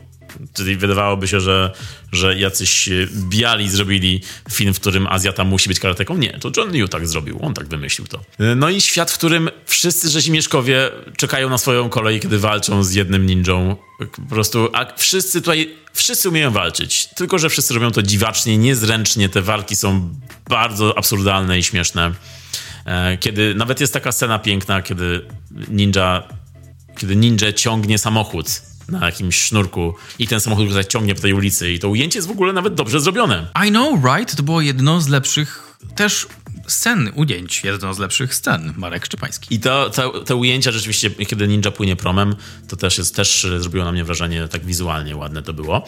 Czyli coś tam, jakieś umiejętności, myślę, że może to nie najbardziej operatorskie. Stevening, oddajemy cześć. E, no i film na szczęście, tak jak powiedziałeś, został doceniony bardzo, bardzo doceniony. Na Rotten Tomatoes nie zdarza się, żeby taki film miał ocenę 96% przez krytyków. No, on ma niższą ocenę publiczności niż, niż krytyków, ponieważ publiczność dała mu 38%. To się nie zdarza, zazwyczaj powinno być w drugą stronę. Ale widzę, że ludzie doceniają to, że ten film jest y, zły, ale dla naszej rozrywki on jest tak zły. I, I, warto docenić właśnie tego rodzaju kino. Kino, w które zostało włożone mnóstwo pasji, mnóstwo ambicji, mnóstwo źle skierowanej pasji i ambicji na pewno, ale po latach to się bardzo dobrze ogląda, bardzo się to docenia. No i można się naprawdę uśmiać, no jak rzadko na jakim filmie. Na pewno The Room jest takim dobrym odnośnikiem tutaj. John Liu zrobił trzy filmy, myślał, że ten film czwarty będzie dla niego przełomem. Nie był, więc zniknął niestety. Na szczęście dla niektórych, w tym dla nas, ten film był pewnego rodzaju przełomem i też na pewno był to pewnego rodzaju powrót do dzieciństwa. I tutaj mogę powiedzieć tylko jedno. Haja! Ode mnie takie też 7 z serduchem dużym na 10, może nawet 8 na 10, bo po kolejnym seansie stwierdziłem, że może nawet lepiej niż 7. Na pewno jest to duże, duże serducho ode mnie do tego filmu. Polecamy każdemu Nowojorski Ninja. Szkoda, że nie mamy wideokastu, bo chciałbym teraz zrobić tak, ruszać ustami w jakimś innym geście i ty byś wtedy podłożył dubbing pod to, co chcesz powiedzieć. To uznajcie, że tak właśnie jest. Marek teraz rusza ustami, a ja mówię Chciałem powiedzieć, że dziękujemy Wam za słuchanie i za to, że byliście z nami. Nowojorski Ninja to jest film, którego nie można nie można zignorować. To trzeba zobaczyć, trzeba tego doświadczyć i trzeba tego doświadczać e, nieustannie. Trochę tak jak Steve Ning, Steve, Steve, out these films, these films. Tak samo wam polecam my oglądanie tych filmów nieustanne. Od nas to wszystko dzisiaj. Dzięki za słuchanie. Zapraszamy do kolejnych odcinków lub poprzednich odcinków. Dzięki, że jesteście z nami. Znajdziecie nas na social mediach jako totalny brak kultury. Na niektórych imprezach też nas zobaczycie i znajdziecie jako totalny brak kultury. Na pewno będziecie wiedzieć, o co chodzi. I totalnie niekulturalnie was żegnamy. Mówili do was jak zwykle Michał Miller i Marek Szczepański. Do zobaczenia, usłyszenia na kolejnym festiwalu Octopus albo i na najlepszych z najgorszych. Cześć. Nie, no ty mówisz cześć. Cześć. I po ptokach.